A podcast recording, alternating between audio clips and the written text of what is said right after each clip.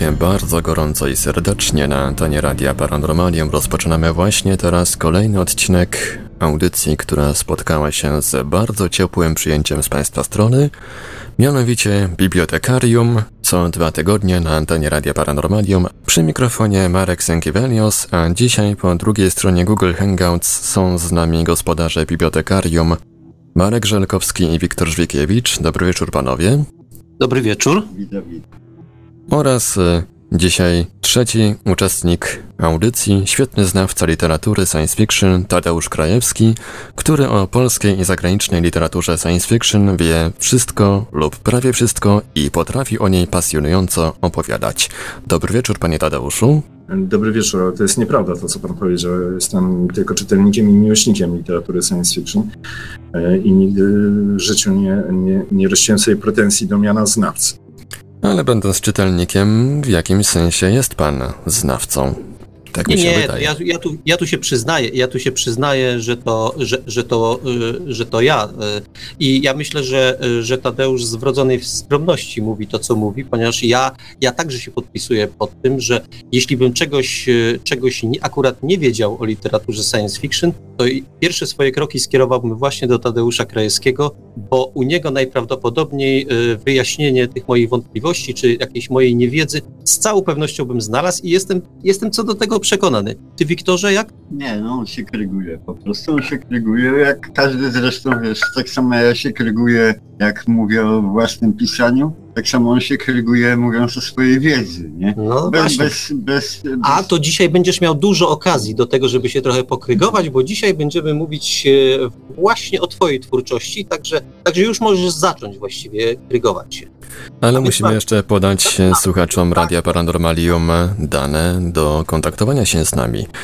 Bowiem audycja dzisiaj jak zawsze realizowana jest w całości na żywo. Gdzieś tak po godzinie 21.15 będzie można do nas zadzwonić i wdać się w dyskusję na antenie, ale całą audycję można również wysyłać nam komentarze, pytania, jakieś spostrzeżenia. No, nasze, nasz numer telefonu to 32 746 0008, 32 746 0008, numer komórkowy 530 620 493, 530 620 493, gadu gadu 36 08 8002. Jesteśmy również na czacie Radia Paranormalium na www.paranormalium.pl oraz na czacie towarzyszącym naszej transmisji na YouTube. Można nam również wysyłać pytania, komentarze i różne swoje spostrzeżenia poprzez Facebooka, na naszych kontach Radia Paranormalium i portalu Infra, na grupach Radia Paranormalium i czytelników Nieznanego Świata. A jeżeli ktoś chce, to może nam również wysyłać pytania, komentarze, jakieś swoje spostrzeżenia i inne ciekawe wiadomości na nasz adres e-mail radiomałpa-paranormalium.pl Panowie, przekazuję wam mikrofon. Dziękujemy bardzo. Ja na początku, tak zupełnie, y, zupełnie na początku załatwię prywatę. Chciałem serdecznie pozdrowić y, kogoś, kto na czacie podpisuje się jako kaktus. Y, To, co napisał w tej chwili jest wybitne. Naprawdę jestem pełen podziwu i myślę, myślę że, że jeszcze na wiele tego pana stać. W każdym razie serdeczne pozdrowienia, a teraz zajmijmy się rzeczami e, nieco bardziej intelektualnymi, czyli, czyli, e, czyli twórczością Wiktora Żwikiewicza. To teraz myślę, myślę, że ta, myślę, że oddamy głos Tadeuszowi. Ja powtórzę, że z mojej strony to nie była kokieteria, to co powiedziałem wcześniej. Ale jestem rzeczywiście miłośnikiem twórczości Wiktora. I Myślę, że no, Wiktor Żwikiewicz wszedł do literatury, do polskiej literatury science fiction w sposób taki wymarzony dla, dla wielu pisarzy. A mianowicie dotarł od razu bezpośrednio do czytelników.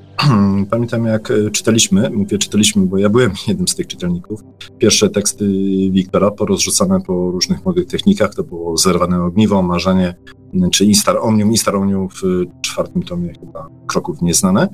Mm, No i mm, mówiliśmy o tych tekstach, mówiliśmy, że jest taki nowy pisarz, y, który wprawdzie, no widać tam u niego było tam stygmaty Bradburego i trochę Strugackich, ale jest mimo wszystko y, inny, mówi coś nowego, mówi w- sposób, y, który do tej pory w polskiej fantastyce był rzadko spotykany albo w sposób zupełnie nowy. Mm, Wprawdzie wtórował mu już wtedy inny wielki pisarz, który wkraczał wtedy na scenę, Adam Wiśniewski, Snerk, mówi takim głosem bardzo dobitnym.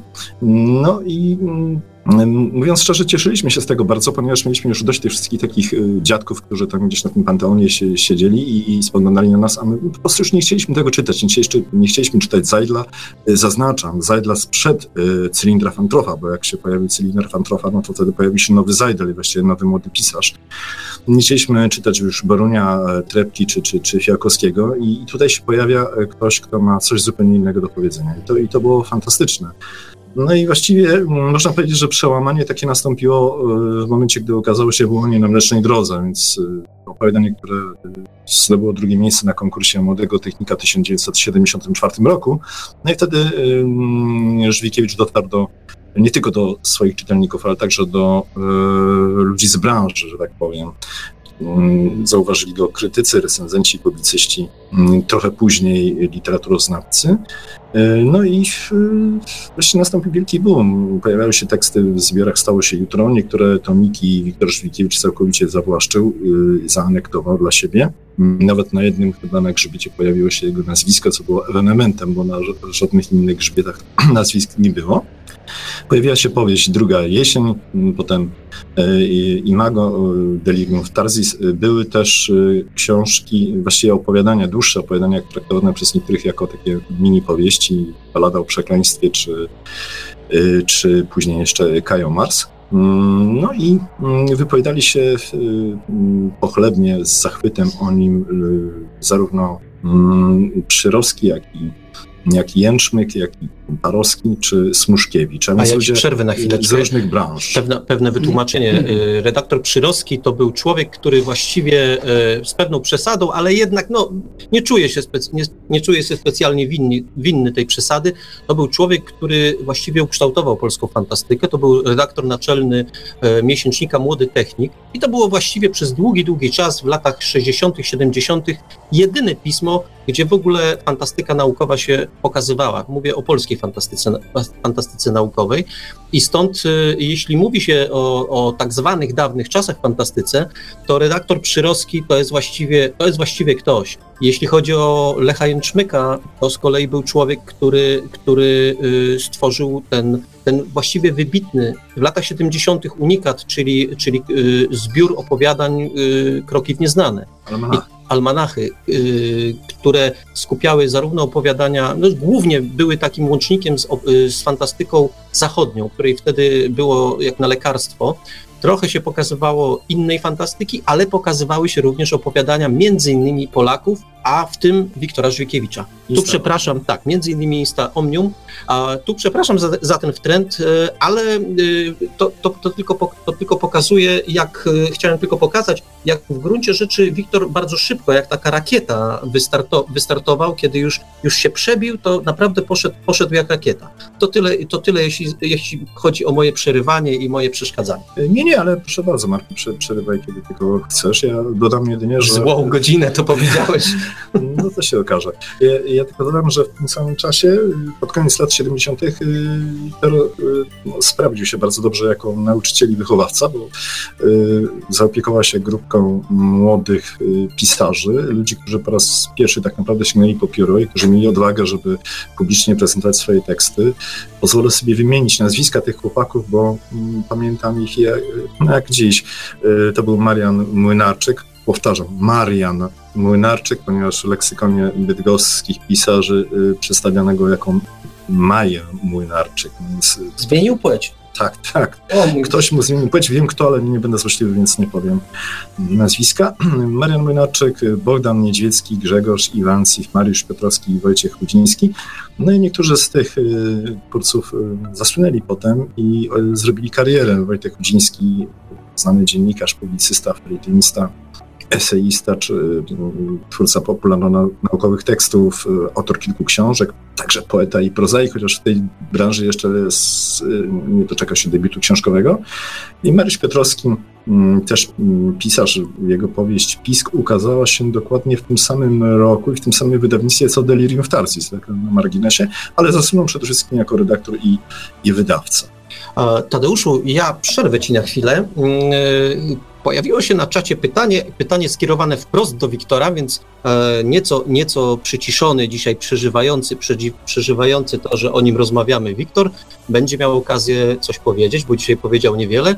A zatem, Wiktorze, pytanie z czata. Mm, zanim zacząłeś pisać i stałeś się pisarzem, to jacy, twoi, jak, jakimi, e, jacy pisarze byli twoimi ulubionymi pisarzami? Pytanie proste, ale daję ci głos.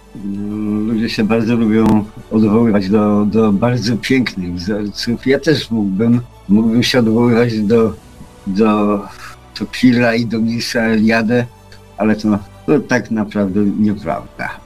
Tak naprawdę to ja, ja fascynowałem się wyłącznie Karolem Majem, e, Sienkiewiczem, może trochę wczesnym Juliuszem Verne, Wellsem i tak dalej. Czyli totalna ta, totalna literatura, literatura przygodowa. przygodowa, nie? Literaturą przygodową tylko to mnie pasjonowało, a dopiero mając lat gdzieś około 30, to właściwie zacząłem czytać porządne książki, nie? Te, te które wypada czytać. Natomiast...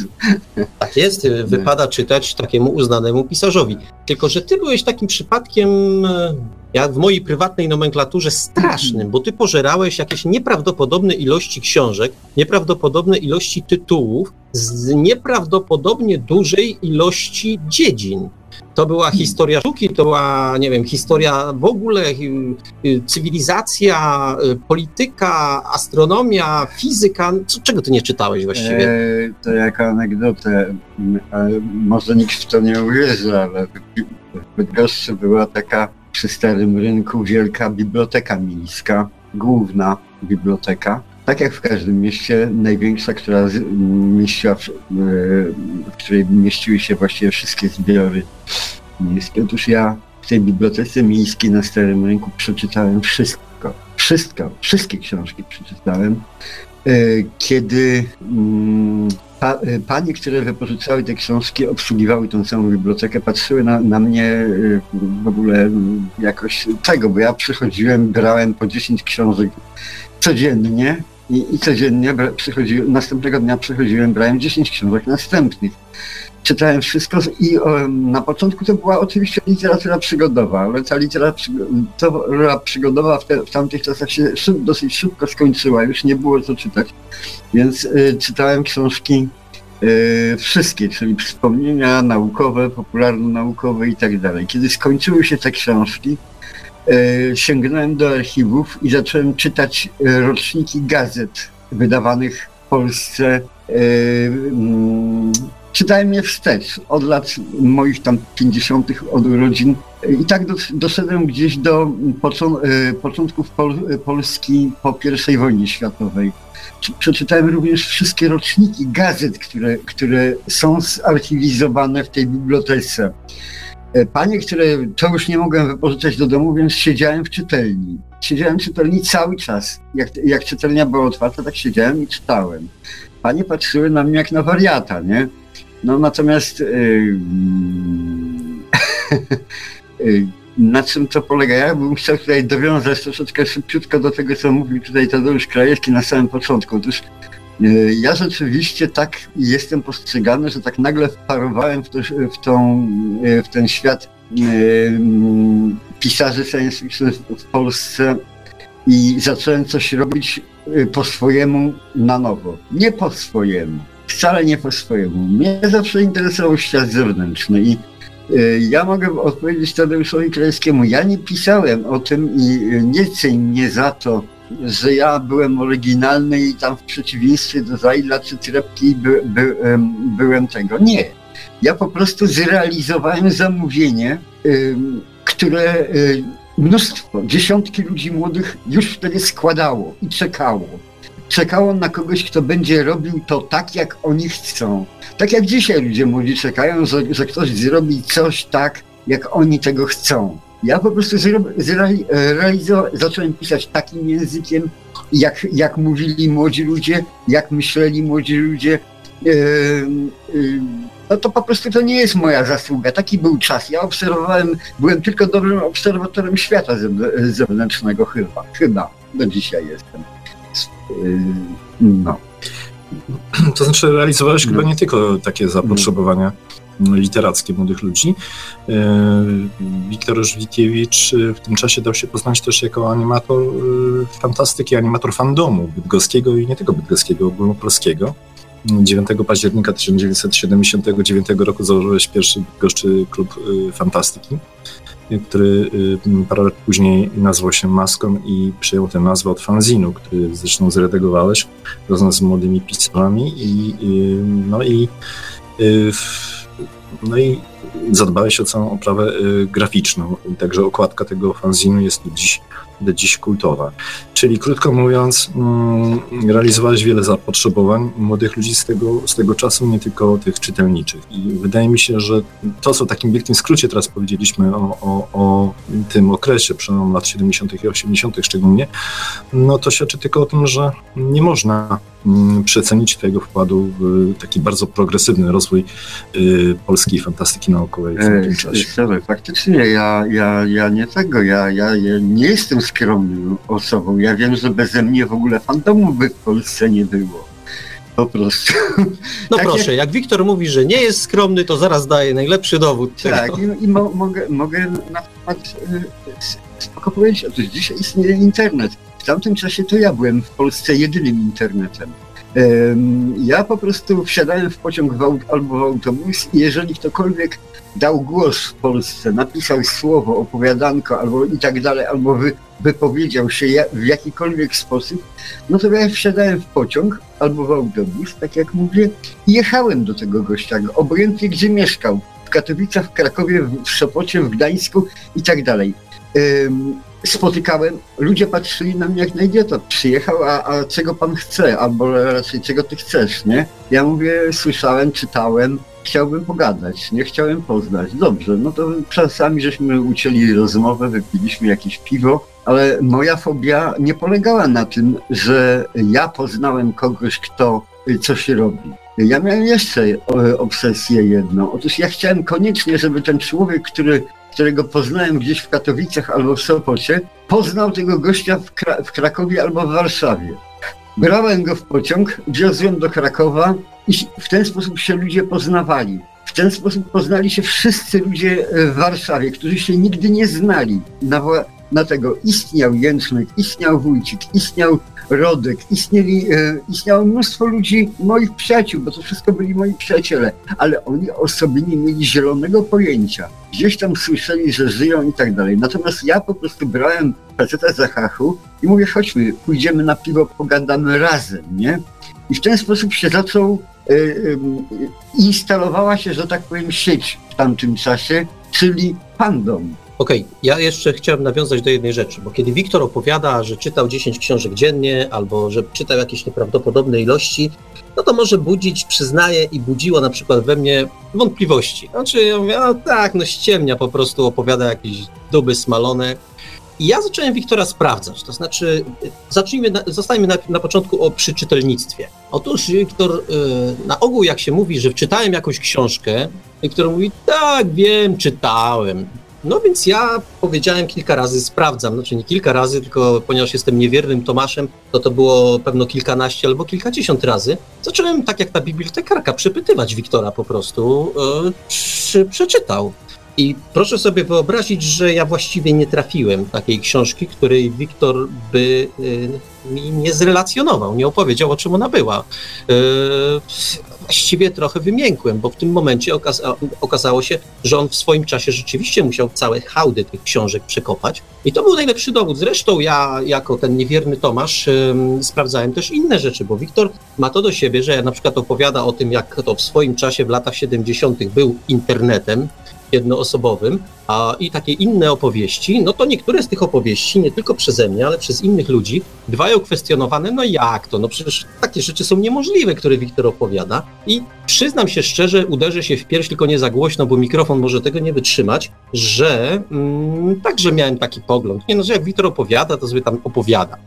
Po czym zacząłem spotykać ludzi, y, którzy z Wiktorem w tych latach 70. mieli do czynienia, tych, których Wiktor y, zabierał do tego pociągu albo jechał do nich przez pół Polski i oni zaczęli potwierdzać jego słowa. to, że gdzieś tam... Jeśli można. Tak, dokładnie, można, to- dokładnie to, tak było. Ja chcę to potwierdzić tak a propos tego ściemnienia, y, o które czasami ktoś podejrzewa Wiktora. Y, Nie no, to jest całkowita prawda. Ja pamiętam, że jak y, poznałem Wiktora, to chyba już tydzień później, dzięki niemu, dzięki temu, że mnie po prostu mm, wypchnął za drzwi, mm, pojechałem do Łodzi na mój pierwszy konwent miłośników science fiction z przesyłką do Marka Oranusa, którego w związku z tym po prostu musiałem poznać. A przy okazji poznałem Andrzeja Krzepkowskiego, Andrzeja Wójcika, a także osoby, o których mówiłem wcześniej z pewną niechęcią, czyli Andrzeja Trepkę i Krzysztofa Borunia, którzy zresztą okazali się bardzo sympatycznymi ludźmi. Mm, Miałem w ciągu tygodnia e, okazję poznać bardzo ważnych twórców SF, których przed tym tylko mogłem sobie czasami pomyśleć, że może kiedyś gdzieś będzie jakaś okazja. A tutaj dzięki Wiktorowi stało się to wszystko od razu. No to, że ja już w pewnym momencie miałem obsesję i praktycznie rzecz biorąc, kogo spotykałem, to pytałem o Wiktora. Jestem sobie y, w swoim czasie e, w Radzie Polityki Pieniężnej, przygotowuję książkę e, składającą się z wywiadów z pisarzami z lat 70., e, mm, e, pisarz, z pisarzami science fiction i tam się spotykam w tej Radzie Polityki Pieniężnej z profesorem y, Dariuszem Filarem, wtedy członkiem Rady Polityki Pieniężnej, a w latach 70. pisarzem i to takim pełną gębą. I właściwie pierwszą rzeczą, którą mówi, do, y, którą pan profesor do mnie mówi, to żebym pozdrowił Wiktora, bo on pamięta, jak kiedyś, jak kiedyś tam y, w latach 70. Wiktor przyjechał do niego trochę niespodziewanie, no ale się wtedy poznali, bardzo polubili. I takich historii y, w związku z tą książką, ale nie tylko z tą książką, ja słuchałem na kopy. I wtedy, wtedy nastąpiła przemiana. To znaczy, ja już przestałem wątpić. Dzisiaj właściwie Wiktor może mi opowiedzieć dużo różnych historii. Od czasu do czasu sprawdzam, ale coraz rzadziej, bo się okazuje, że nawet historie mocno nieprawdopodobne okazywały się prawdopodobne i znaczy nieprawdopodobne, okazały się prawdziwe, a, y, a w dodatku potwierdzane przez ludzi niezwykle, niezwykle utytułowanych, poważnych i czasami nawet nobliwych. Także naprawdę z Wiktorem. Dodam, jeśli można, tylko Tak, dodam, tak, jak oczywiście. E, W 2008 roku do Bydgoszczy przyjechał Andrzej Sapkowski, z którym miałem okazję wtedy porozmawiać. Pierwsze pytanie, jakie mi zadał, O co Wiktora. słychać u Wiktora Tak Żwikiewicza. Jak przyjechał kiedyś, lat temu chyba e, 7, Marcin Wolski, to też pierwsze pytanie, czy będzie dzisiaj Wiktor Żwikiewicz?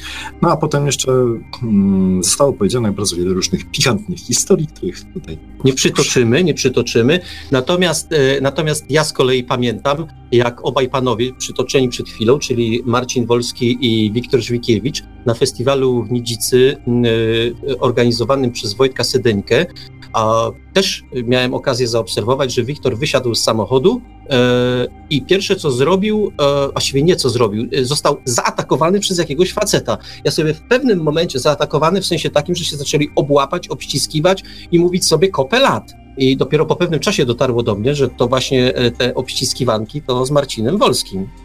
Także to tak wygląda. No, Wiktor, ja nie wiem, jak on, to, jak on to robił, ale rzeczywiście tu warto potwierdzić, że w latach 70. tym internetem tę rolę spełniał. No nie, nie tylko 70, 80 i w Takim ogóle. trochę Facebookiem można powiedzieć. A, pra- Tak, a tak, Facebookiem, tak, no tak, też, tak. tak, to prawda. Y, Na pewno, na pewno to robiłem, bo to, to jest, to jest moje, y, na czym polega moje życie właściwie, to znaczy nie na pisaniu, tylko na, na poznawaniu ludzi na, na, i kojarzeniu ludzi i tak dalej, na łapaniu, na łapaniu czegokolwiek. Na, natomiast y, jakby mówić o sobie, to powiem, walne z grubej rury może. No, otóż w ogóle ludzie piszący mają, to są takie istoty trójwymiarowe.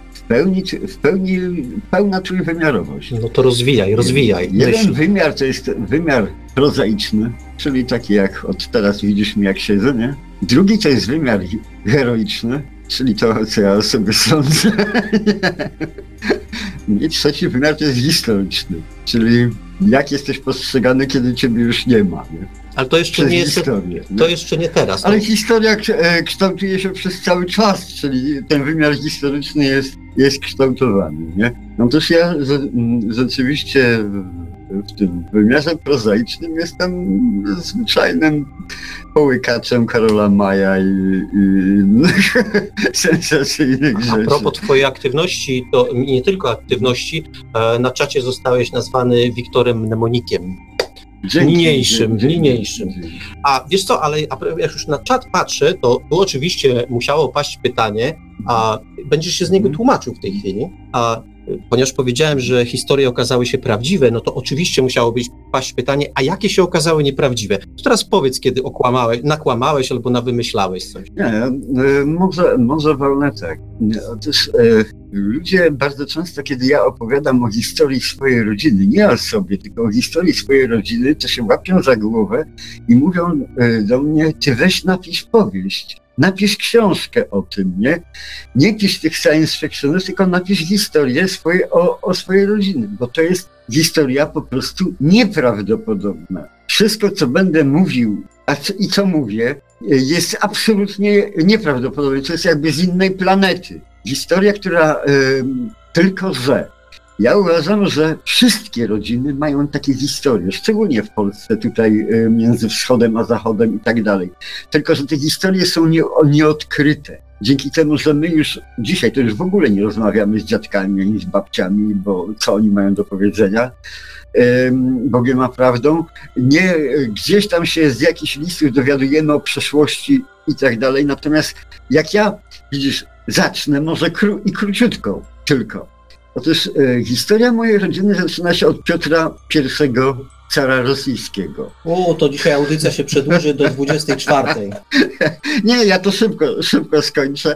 Natomiast tak, otóż car Piotr I kiedyś postanowił zbudować flotę czarnomorską. Jako pierwszy tego, żeby tam Turków ułoić troszeczkę i tak dalej. Najpierw zbudował flotę bałtycką, nie wiem czy najpierw, czy później że postanowił zbudować flotę czarnomorską. Rosjanie nie posiadali absolutnie żadnych szkutników, nikogo zupełnie, kto by mógł zbudować taką flotę, więc e, po prostu e, sprowadził całe wioski, całe miasteczka e, rzemieślników z Holandii, z Danii. Przyjechały całe wsie z rodzinami szkutników, drwali, cieśli, wszystko, wszystko co, co potrafiło e, robić, e, budować statki.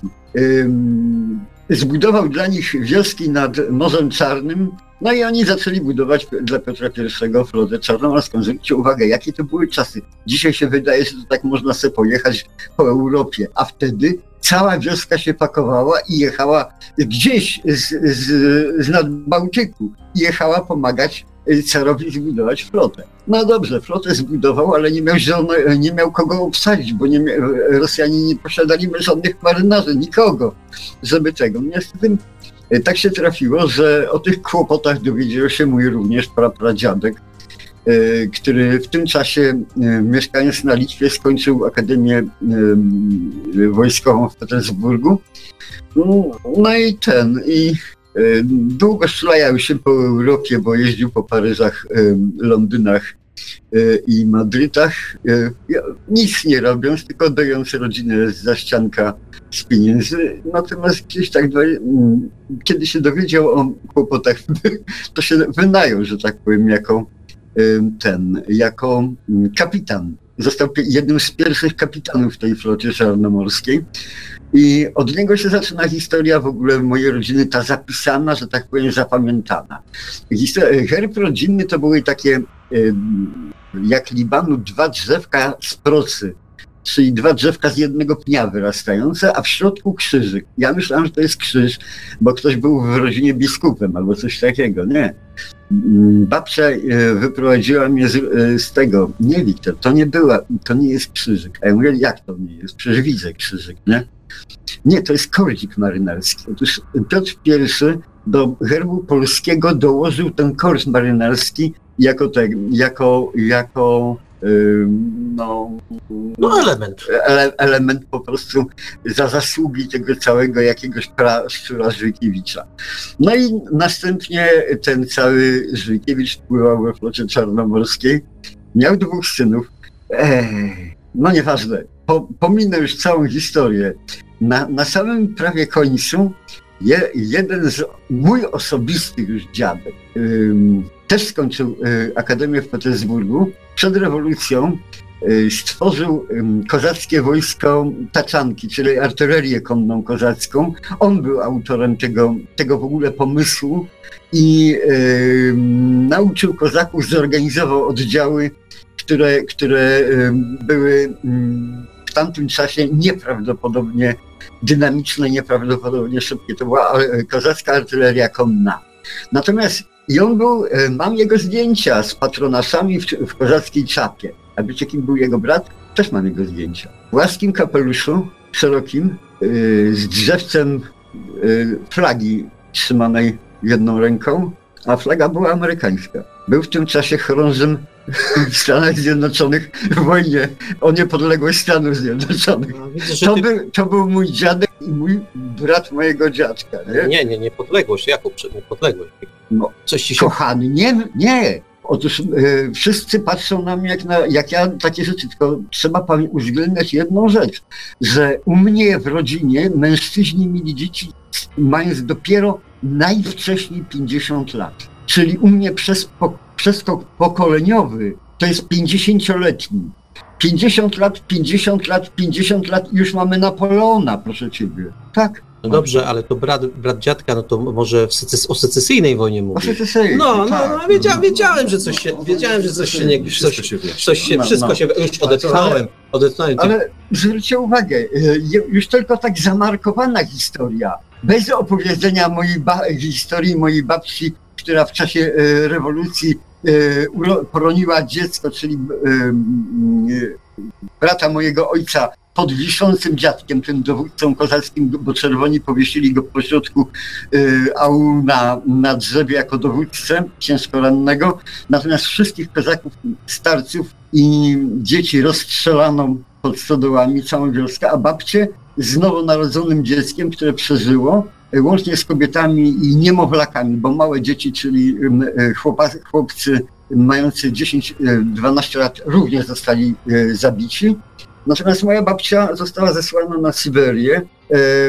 W drodze na Syberię pociągi ogarnęły wojska generała e, Denikina, które białogwardyjskie, które się wycofywały na, na Daleki Wschód i zostały internowane przez Japończyków na Wyspach Japońskich. I moja babcia z tym nowonarodzonym dzieckiem oraz moim ojcem była w Japonii internowana z carskim wojskiem. No to jest taka historia. A co opowiadała mi babcia o Japonii w tamtych czasach, to to już jest naprawdę to nieprawdopodobne. Nie, to się nie nadaje przed 22, no. bo ja znam zna, znam tę historię. No. Ja proponuję, żebyśmy się zachowywali jak, jak dobrzy gospodarze i dopuścili naszego gościa jednak do głosu. Tadeuszu, proszę. Ja mogę być milczącym gościem, nie ma problemu. Ja tylko chcę powiedzieć, że yy Wiktor nie jest postacią historyczną, czy tego chce, czy nie. I to nie dlatego, że jego rodzina przeżywa mm, tak spektakularne fragmenty naszych dziejów, tylko dlatego, że y, swoją twórczością już na stałe zapisał się do historii literatury polskiej, nie tylko literatury SF. No i właśnie dlaczego? Bo nie każdy pisarz science fiction przez do tej historii literatury przechodzi. Mm, może dlatego, że y, proza Wiktora Żwikiewicza mm, realizowała za wasze zamówienia, no, odpowiadała na wasze zapotrzebowania. I dlaczego, Tadeusz? To, co powiedziałeś. nie tylko dlatego, no. dlatego nie, mi się wydaje, że sprawa jest o wiele bardziej złożona. E, ta proza e, no, stawiała przed czytelnikiem bardzo poważne wymagania. Można powiedzieć, że e, na pewno Wiktor Żwikiewicz nie był ojcem, który bezstresowo wychowuje dzieci. Rzucałeś człowieka na, do basenu głębokiego na 10 metrów i mówiłeś mu toń albo, albo płyń. I właściwie każdy, kto wchodził do tej kreacji stworzonej przez ciebie, to musiał natychmiast błyskawicznie uczyć się pływać. Musiał e, o te wszystkie mm, tropy, które tam umieszczałeś, umieć się otrzeć. Czasami na, nabijał sobie siniaków, no i robi wszystko, żeby wypłynąć na powietrze, albo przynajmniej płynąć w tym nurcie, który ty wskazałeś. Ty nie dawałeś czytelnikowi żadnego koła ratunkowego, ty mu w żaden sposób nie pomagałeś. Ty nie stosowałeś prostych chwytów narracyjnych, które były kiedyś w literaturze science fiction dość oczywiste, że w jakimś tam świecie odległym świecie przyszłości jakiś odmrożeniec staje z hibernatora i poznaje rzeczywistość i jeszcze ma pod ręką jakiegoś nauczyciela, któremu to wszystko tłumaczy. No to Bene, to wcale nie jest taki stary pomysł, ponieważ y, współczesny pisarz SF, y, y, na pewno genialny, na pewno uważany słusznie za, za postać absolutnie wyjątkową, Jacek Dukaj, na taki prosty chwyt sobie pozwoli w powieści perfekcyjna niedoskonałość, żeby wyjaśnić pewne sprawy, które tam, mm, które dla, dla czytelnika mm, mm, dla czytelnika mogą być zupełnie niezrozumiałe, więc tę metodę, starą metodę zastosował. Wiktor Żwidziewicz nigdy tego typu pomysłów czytelnikowi nie, nie, nie podsuwał.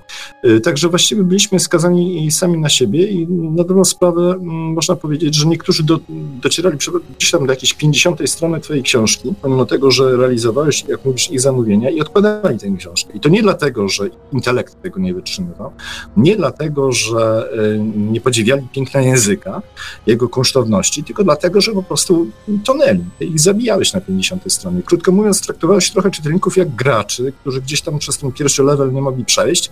No jak nie mogli przejść, no to dalej nie mogli grać. No i właściwie w tym pierwszym levelu bardzo wielu się zatrzymywało. Miałem okazję z, tak, z wieloma osobami rozmawiać, które mówią, że Wiktor Żwikiewicz, ja nawet spotkałem się z czytelnikiem, który powiedział wręcz, Wiktor Żwikiewicz jest moim ulubionym pisarzem. Nigdy nie przeczytałem ani jednej jego książki do końca, bo nie dałem rady.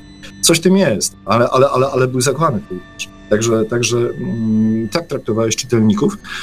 E, no i co, co jest jeszcze bardzo istotne, mm, w Twojej prozie mm, trzeba się było przebijać przez gąszcz metafor, e, przez całą masę symboli. Barokowy język.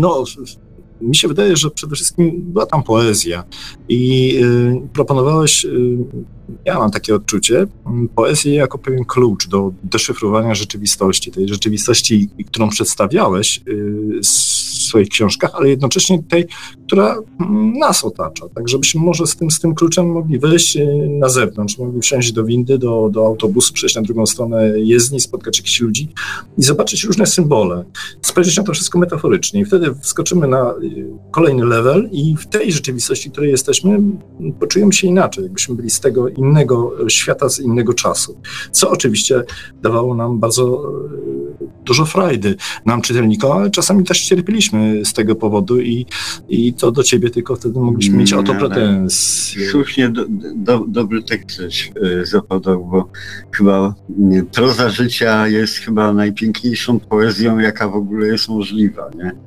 Y, I ludzie tego nie dostrzegają bardzo często. Myślą, że żyjąc prozaicznie, żyją bez poezji, że tak powiem. Nie? Moja, po, moja poezja jest, y, żeby nie było tak górnolotnie, Tadeusz, nie? Mogę zacytować Jasne. moją poezję? Ja start, Wiktorze, start. U, ułożyłem mnóstwo wierszyków, ale przyszedł mi w tej chwili jeden do, do głowy. Żeby to nie było, to napisałem taką rzecz, rzecz o robaczku.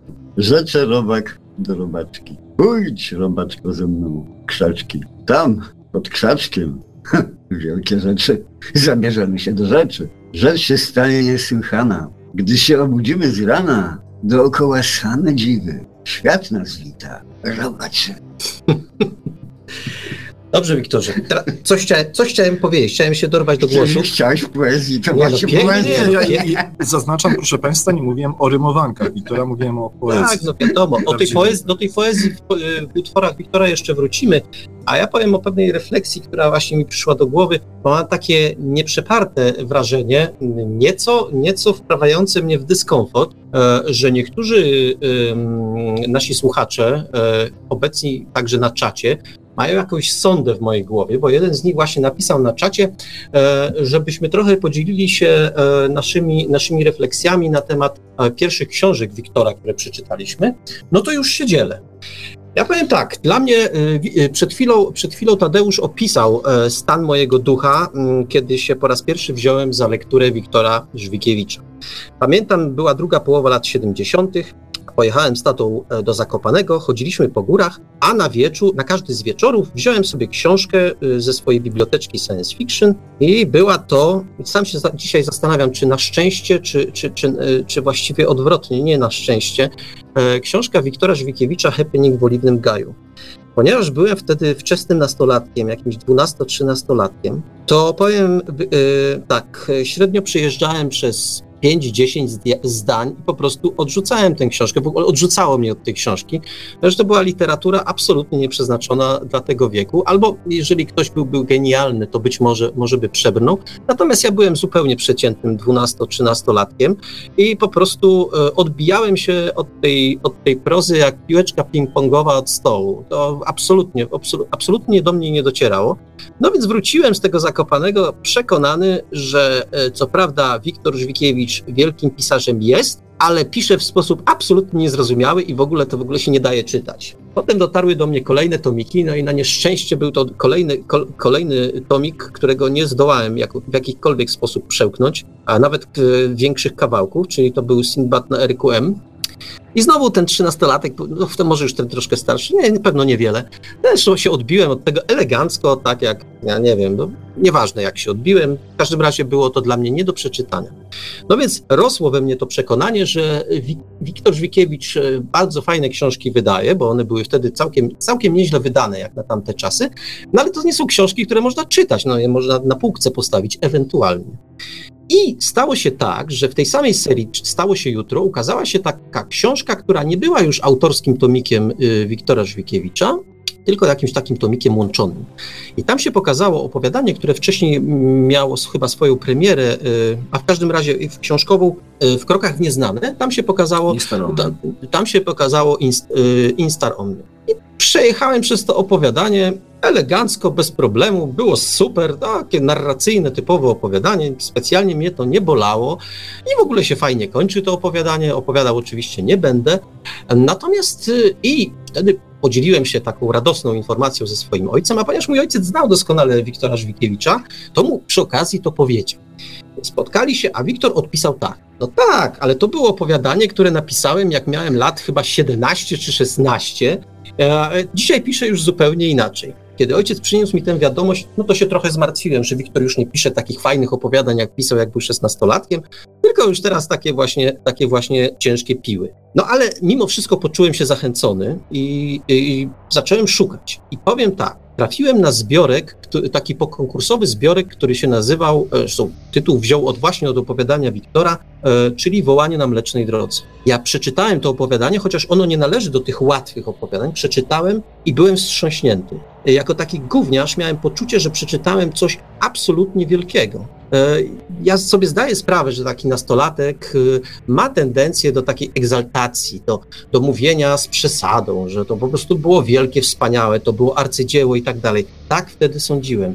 To było absolutne objawienie. Ja wtedy czytałem dużo fantastyki i po pierwsze, pokonałem po raz pierwszy materię, czyli przebrnąłem przez cały utwór Wiktora Żwikiewicza, znaczy taki z tych trudniejszych, już nie taki, nie taki prosty jak Instar Omnium. Przebrnąłem w całości, a w dodatku, jak do mnie dotarło, o czym to jest, no to było takie wielkie, wtedy się nie mówiło tak, ale dzisiaj bym powiedział, wow, niesamowite. I to był mój pierwszy kontakt y, z prozą Wiktora Żwikiewicza. Y, z przyczyn obiektywnych Wiktora, y, Wiktora o, o, pierwszy kontakt z prozą Wiktora Żwikiewicza nie zapytam, ale zapytam w takim razie Tadeusza. Co przeczytałeś? Co było twoim pierwszym utworem? Pamiętasz jeszcze? Tak, Instaromnium. Też Instarom. Czyli mamy wspólne doświadczenia. Ale ja, ja padnę wam. Ja ostatnio redagując jakiś tam swój zbiorek y, chyba dla Solarisa, dla wydawnictwa Solaris, musiałem zredagować y, wołanie na, na Mlecznej Drodze. Ja też byłem w szoku. Teraz jak redagowałem, bo ja w ogóle tego nie pamiętam, tam ogólnie wiem o czym to było, ale jak sobie na starość przeczytałem, co ja napisałem, kiedy miałem lat, nie wiem, 20 chyba ja miałem, czy 19 jak to pisałem, 20 to ja jestem w szoku. Naprawdę, to opowiadanie jest tak, jak ty mówisz, Marek, do dzisiaj jest niesamowite. Ono jest mądrzejsze ode mnie dzisiaj, kurde. Ja nie wiem skąd, ja wiem skąd. Teraz patrz, padłem na, na coś. To opowiadanie zdecydowanie przerasta mnie dzisiaj i przerastało mnie wtedy. A wiesz dlaczego? Wracamy już do tego, co mówiłeś. To jest realizowanie za, za, zamówienia, zapotrzebowania tego zbiorowego odbiorcy, zbiorowego postrzegacza całego świata. Ten postrzegacz zbiorowy był o wiele mądrzejszy od jednostek, rozumiesz?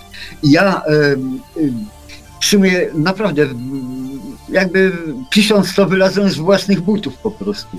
Wyskoczyłem z własnych gaci, ze spodni. Byłem lepszy, nie? No i coś takiego mi przyszło do głowy.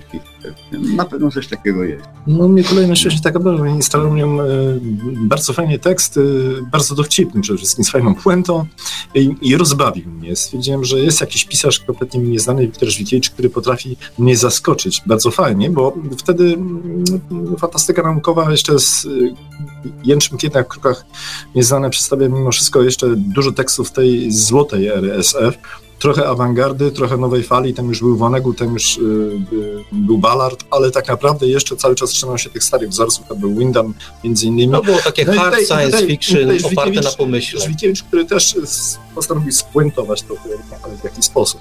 Oczywiście, jeżeli jest tutaj zasada, że nie opowiadamy treści, nie opowiadamy. Ja nie opowiem treści, tylko opowiem o wymowie tekstu. O tym chyba mogę. No, dla mnie Jak to było opowiadanie o tym, że po prostu do tego, aby z tobą porozmawiać, to ja potrzebuję instrukcji obsługi. Inaczej po prostu ja się z tobą nie dogadam. Nie? No więc i, i to, to, to, w sumie na dobrą sprawę mm, opowiadanie zapowiadało strasznym pesymizmem. W tych czasach, kiedy rzeczywiście y, w latach 70. Y, jednak ten problem był taki sam jak dziś. No, ludzie rzeczywiście mieli kłopot z kontaktem. I ten problem został tutaj bardzo fajnie przedstawiony. Uderzyło mnie to jako młodego człowieka bardzo mocno.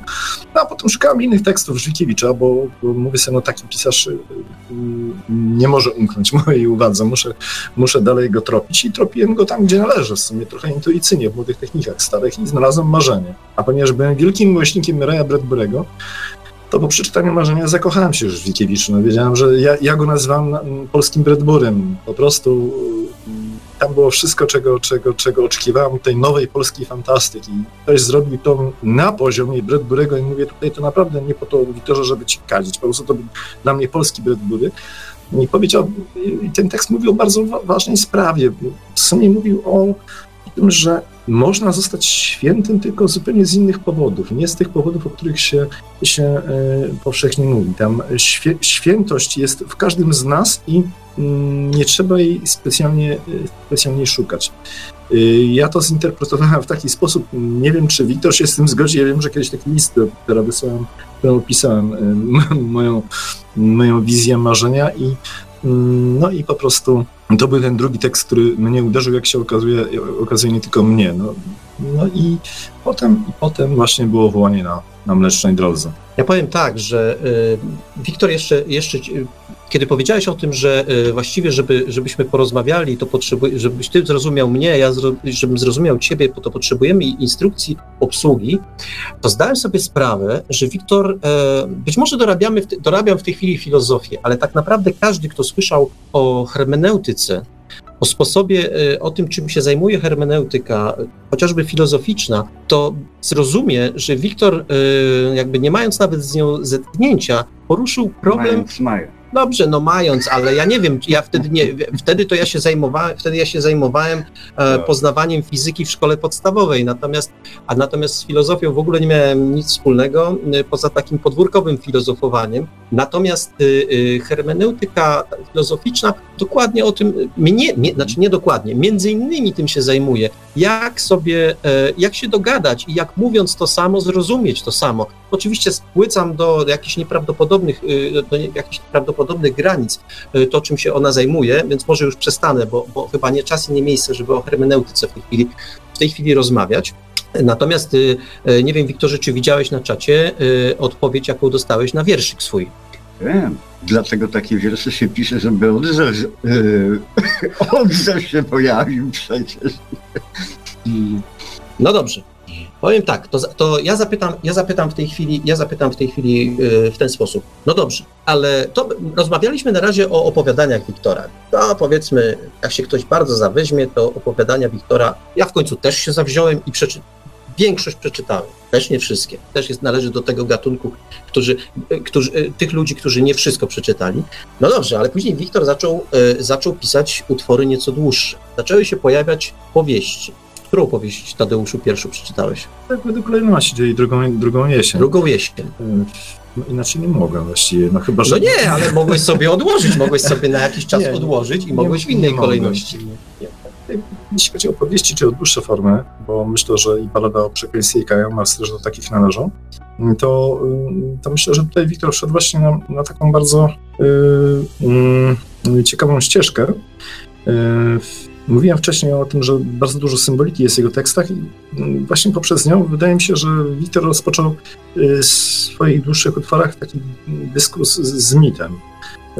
Wynikało z tych tekstów właściwie na dobrą sprawę, że człowiek bez względu na to, jaki ma stosunek do mitu, czy, czy traktuje go literalnie, jest wyznawcą jakiejś religii cały czas, czy też traktuje go tylko i wyłącznie jako tam, powiedzmy sobie, pewien wzorzec kulturowy, który jest do danej kultury jakoś przypisany, czy też po prostu odrzuca go, bo racjonalizm absolutnie nie pozwala na to, żeby w ogóle o tym micie myśleć. Bez, przerwy, bez względu na to, jak się do tego mitu odwróci, bez przerwy jest z nim związany. Ten mit w niego wyrasta i nie może z niego wyjść. I właściwie u Wiktora w jego tekstach jest bardzo dużo takich, no, no powiedział, yy, artefaktów yy, mitycznych. Mamy, mamy tam i szcielnicę, i krzyż, i drzewo, wiadomo jakie, i ziarno, i nawet pojawiają się yy, pojawiają się i postacie, i, i artefakty z y, mitologii już całkowicie umarłych, na przykład y, mitologii perskiej y, w Kajemarsie oczywiście.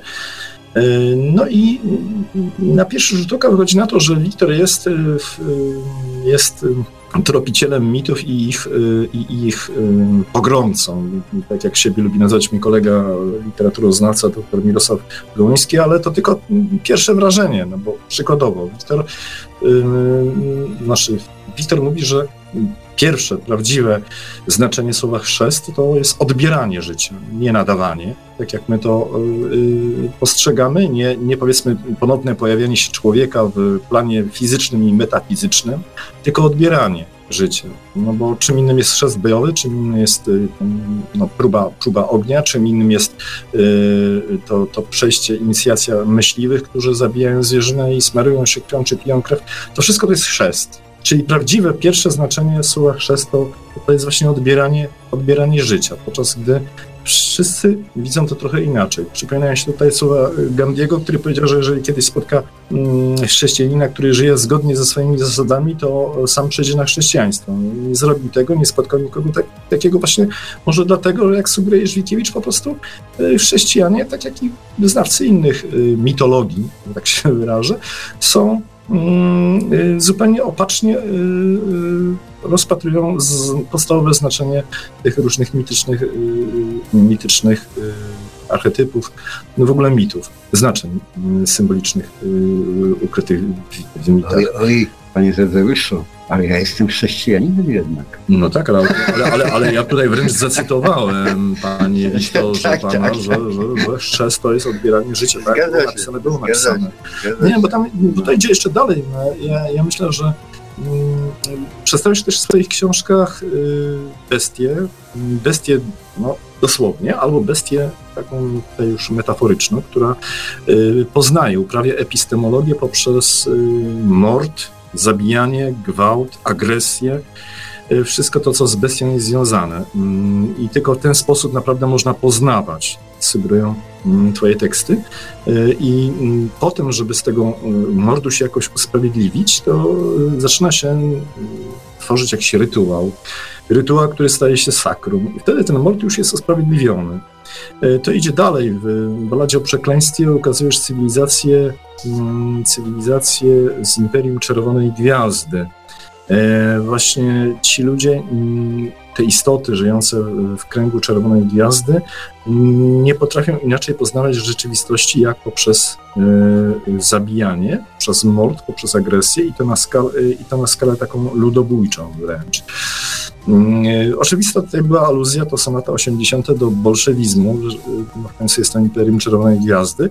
Moim zdaniem bardzo fajnie tutaj e, korespondowałeś z mm, tekstami z epoki e, międzywojnia. Mam na myśli tutaj historiozofów i socjologów Mariana Zdziechowskiego czy Jana Karola Kochanowskiego, którzy uważali właśnie bolszewizm za współczesne barbarzyństwo, które najbardziej zagraża cywilizacji chrześcijańskiej. Jeszcze nie znali nazizmu, bo pisali to w latach 20., więc w związku z tym bolszewizm był dla nich czymś najgorszym. Bardzo fajnie to korespondowało, to co napisałeś z, z ich tekstami.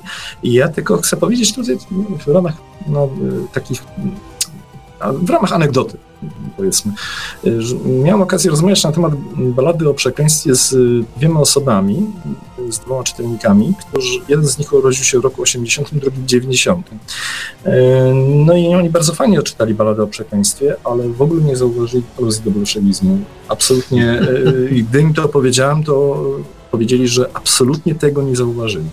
To jest to jest ciekawe, dobrze świadczy to o tekście, no bo w sumie um, oprócz tej, tej aluzji, którą my wtedy w latach 80. widzieliśmy jak na dłoni, no y, oznacza to, że tekst jest tekstem mm, uniwersalny. Bo to y, nie dotyczy tylko czerwonej no, gwiazdy, tylko w ogóle totalitaryzmu jako takiego. Natomiast wiesz, ja, ja tutaj tak troszkę, bo Tadeusz y, Krajewski mówi bardzo, bardzo poważnie na ten temat, a ja chciałbym tylko taką uwagę. Ja bardzo chętnie robię sobie jaja sam z siebie, z tego co piszę i w ogóle życia, bo to jest na tym polega wesoło. No dawaj, na, natomiast, jeżeli, dawaj, Wiktor, na, na, natomiast jeżeli piszę, jeżeli piszę, jeżeli siedzę sam, to, y, to traktuję rzecz straszliwie śmiertelnie poważnie. Kocham tych ludzi, których opisuję, przeżywam problemy, które, które opisuję, wiążę je. Nie wyobrażam sobie, żebym napisał y, rzecz o y, dziecku małym, bez świadomości tego, jak rodziły się dzieci, na przykład w czasach Neandertalczyka czy w Neolicie, jak umierały, co przeżywały i tak dalej. Jak, jak, to się, jak to się ma ten czas miniony do czasu obecnego, do dzisiejszego. Te wszystkie rzeczy mi siedzą. Ja to, wtedy traktuję to poważnie i wtedy te moje, moje rzeczy, które ja tam opisuję, to potem, po, potem Tadeusz może tak mówić, ja nie mam nic przeciwko temu. Bo to teraz... ja sobie dzisiaj robię jaja, ale jak jak piszę, to nie. Ja to było widać, że nie robisz sobie jaj, bo ja z kolei, e, jeśli, mu, jeśli mówiliśmy o powieściach, to ja y, podchodziłem do twojej pierwszej powieści, czyli do drugiej jesieni, trochę jak do jeża. A, bo takie, nie dość, że te opowiadania takie skomplikowane, to jeszcze powieść napisał. No i przeczytałem. I powiem ci, wtedy sobie pomyślałem, kurczę, tępi komunistów, to jest fajny gość, bo to, się, to była powieść, to była powieść, która się ukazała na, w pierwszej połowie lat 80., trochę po, tuż po stanie wojennym i była jednoznacznie, miała takie podtekst, znaczy dzisiaj być może już, znaczy dzisiaj się w dalszym ciągu dobrze czyta na zasadzie tak już nie trzeba tych odwołań do komunizmu, natomiast wtedy się czytała jednoznacznie, no wali w komunistów, znaczy się spoko gość. I tak to, tak to wtedy odczytywałem. I, i to, był, to, to był dla mnie sprawdzian. Pamiętam, mam do dzisiaj y, poszedłem na spotkanie autorskie i Wiktor Żwikiewicz spojrzał tak na mnie i wpisał mi dedyka, dedykację na, na, tym, na tym spotkaniu. Patrząc mi się, przyglądając mi się trochę krytycznie, założę się, że wtedy sobie pomyślał, ten gówniarz oczywiście nie przeczytał tej książki, w życiu jej nie przeczytał, a ja właśnie wtedy tę akurat przeczytałem. Chociaż powiem, powiem Ci, Wiktorze, że potem jak y, tę balladę o przekleństwie y, napisałeś, to ja do dzisiaj zachodzę w głowę, jak ci cenzura w komunie puściła tę czerwoną gwiazdę, która na końcu, no dzieje się z nią to, co się, to, co się dzieje. Ostatnie zdanie, ostatnie tak. zdanie tej, tej mini powieści jest bardzo, bardzo charakterystyczne. Jak ty to zrobiłeś, że, że cenzura komunistyczna ci to puściła, to do dzisiaj nie wiem. Pewno bardzo nikt tego nie wie. Bardzo sprytnie. Otóż po pierwsze, e, jeszcze wcześniej druga jesień, która opowiada o drugiej jesieni, czyli o czerwonym smogu, który pochłania cały świat, nie? Czyli Dobra, i to zostańmy, zostaw, zostawmy, zostawmy. Otóż, e, otóż ta książka została napisana na zamówienie wydawnictwa Czytelnik w Warszawie. E, no i czytelnik, e, wydawnictwo Czytelnik przyjęło tę książkę w osobie Lecha Jęczmyka pełnym, pełnym zachwytem. No i książka miała być wydana, ale niestety cenzura, e, cenzorem był jeden z pisarzy zresztą przygodowych współczesnych, tam pomijam te całe. Tego, on był kiedyś, e, kiedyś był y, cenzorem, czym, jak, jakimś tam sekretarzem w komitecie warszawskim, no i on recenzował te książki, no i kiedy przyszedłem do czytelnika, Leszek Jęczmyk, pan redaktor Leszek Jęczmyk wtedy położył przede mną taką kartkę, na której była opinia tego całego recenzenta z komitetu. Y, no i tam były napisane takie superlatywy, już chyba lepsze niż, niż ty y, mówisz dzisiaj na, na, ten temat. Co za wspaniały język, co za wspaniała powieść. No wszystko wspaniałe. Podpis PS. Nie nadaje się do druku. taka, taka, taka była. Mam to, mam to gdzieś w chacie, y, tą całą recenzję, którą tego Y, dlaczego się nie nadaje? Dlatego, bo, bo tej książki nie można było wydać wtedy w Warszawie ze względów politycznych.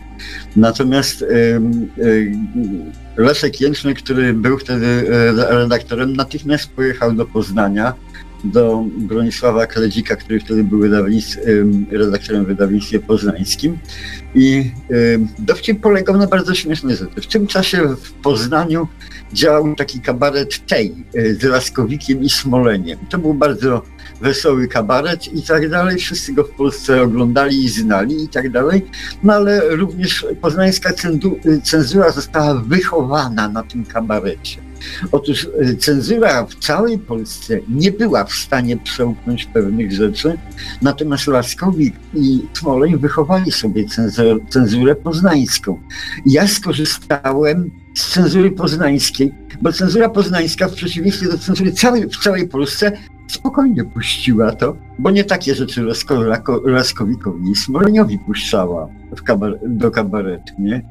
Więc to było, to było zwykłą jesienią. Tylko w Poznaniu mogli to wydać, nigdzie w Polsce wtedy, nie?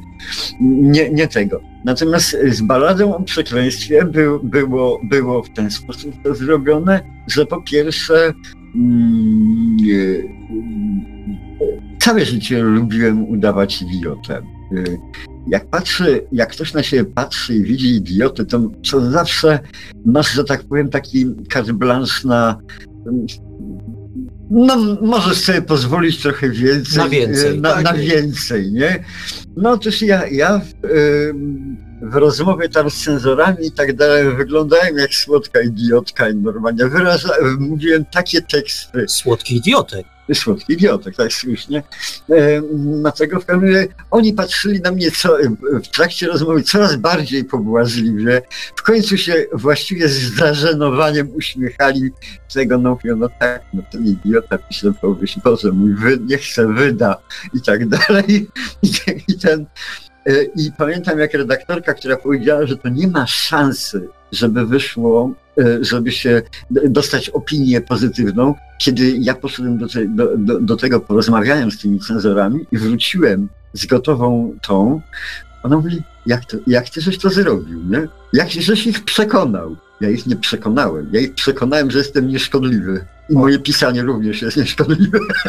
Okej, okay, Wiktorze. Ja chciał... tutaj jeśli można dodać, bo to jest okres, w którym e, ukazuje się dość dużo książek e, o takiej jawnej wymowie tak. antykomunistycznej, bardzo ostrych. Mm, i które y, przechodzą. Tak. I czytelnicy odkrywają to drugie dno, czują się tak trochę jak jeszcze w czasach y, zaborów nasi tam pra, pradziadowie się czuli, gdy y, odczytywali w tekstach jakieś zakamuflowane informacje. No i pojawia się wyjście z cienia Zajdla, pojawia się Wir pamięci wnuka Lipińskiego, pojawia się Twarzynku ziemi Parowskiego, pojawia się cała masa książek, pojawia się Krzepkowski i Wójcik mm, z obszarem nieciągłości. Oramus. No oczywiście Oramus z samymi zwycięzcami. No i te wszystkie książki w jawny sposób uderzają w komunę. Właściwie tam już nawet momentami aluzyjność jakaś zanika. Tak, to już wszystko wprost, wprost mówione. No i to, i to rzeczywiście hmm, zmienia oblicze polskiej fantastyki y, w tym okresie. Ona z jednej strony y, odgrywa y, bardzo ważną rolę kształtującą świadomość młodych czytelników. To, to, to jest nieprawdopodobne. Ludzie zauważają, że można coś tym kraju jednak powiedzieć, można coś zmienić. Mm, Ponadto w tych książkach, zwłaszcza u Parowskiego, Twarzą ku ziemi, widać bardzo wyraźną analizę, bardzo niepochlebną także społeczeństwa. Społeczeństwa. Tak, i to, i to też to, to, to jest bardzo ważny element tych tekstów, gdzie dowiadujemy się pewnej prawdy o samych sobie, nie tylko uderzamy w tych, którzy... To nie była fajna prawda. To nie była fajna to nie prawda. Była to, fajna prawda. to nie była fajna prawda. Pojawiają się zresztą też dobre filmy w tym czasie. Pojawia się Piotr Andrzejew, jest czułymi miejscami, pojawia się Szulkin przecież z, z Wojną Światów, Polaków. I to wszystko jednak przechodzi, wchodzi, dociera do nas mm, bezpośrednio. Oczywiście są to rzeczy w przypadku filmów szczególnie niszowe, no, nie, niełatwo dostępne, no nie można było sobie tak pójść po prostu na, na szulkina do, y, y, na jakiś sens, bo film leciał przez dwa, trzy dni góra i znikał z ekranów, czasami tylko jeden seans miał miejsce. No ale z książkami było trochę inaczej. Te książki ukazywały się w dużym nakładzie. Był to tak. swego rodzaju fenomen i mi się wydaje, że absolutnie nie do powtórzenia w żadnym, w żadnym innym kraju bloku yy, sowieckiego. No, z wyjątkiem samej Rosji.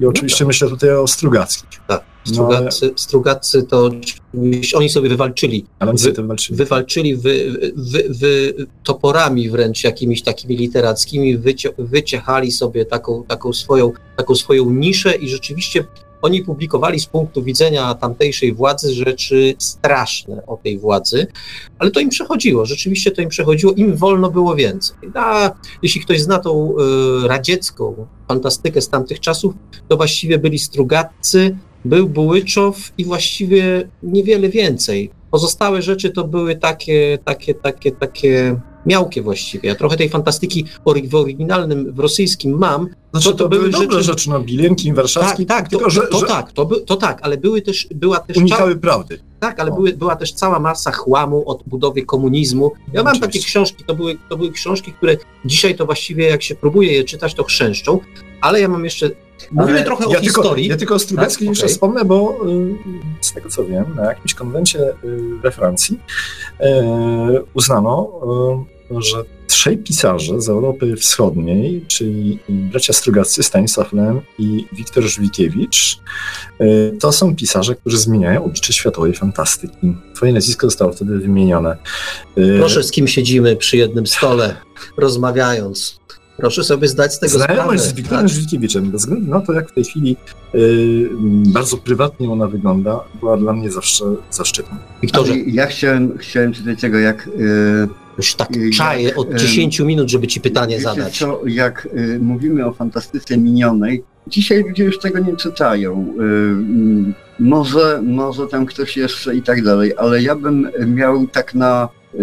Jak jesteśmy na antenie radia paranormalium, ja bym miał propozycję, żeby ludzie, którzy nie mają pojęcia, czym jest komunizm, czym jest totalitaryzm, bo to dawno, dawno, dawne czasy minęły i tak dalej, a chcą przeczytać rzecz bardzo rozrywkową, bardzo dynamiczną, bardzo fajną, zrozumieć i coś y, tego, niech zajrzą sobie, mm, na pewno można ściągnąć, na pewno jest tego, bo jest rzecz tłumaczona, jest zresztą wyda, wydawana dosyć często, chyba niedawno, może kwestia pięciu lat była wydana w Polsce, przetłumaczona. Niech zajrzą do jednej, jednej książki. Resztę można podać. Napięcie wzrasta. Bułhakowa Psie Serce. No, no pewnie, to znakomita książka, oczywiście, że tak. To ciarki chodzą trzeba, to nie jest, to nie jest długie, więc nie można jest... sobie poczytać, nie? Jest dynamiczne, fajne, wesołe, ale ale ja na, początku, na początku lat 80., co jest dość istotne, wyszło to w sami zdacie tak. i, i, wydali to fani. Miłośnicy tak, fantastyki. Tak, tak, Nielegalne tak. wydanie e, tak. właśnie Psiego Serca. I muszę powiedzieć, że Klub Maską, teraz mogę to chyba mhm. głośno powiedzieć, już chyba nikt nie będzie nas mhm. ścigał, wydał tam też nielegalnie fatalne jaja. Bułhakowa też. No, druga rzecz chyba tak, Psim Sercu, mówiąca prawdę o bolszewizmie, z, właśnie z tej pozycji, z tej pozycji człowieka, który był w to mm, strasznie mocno uwikłany.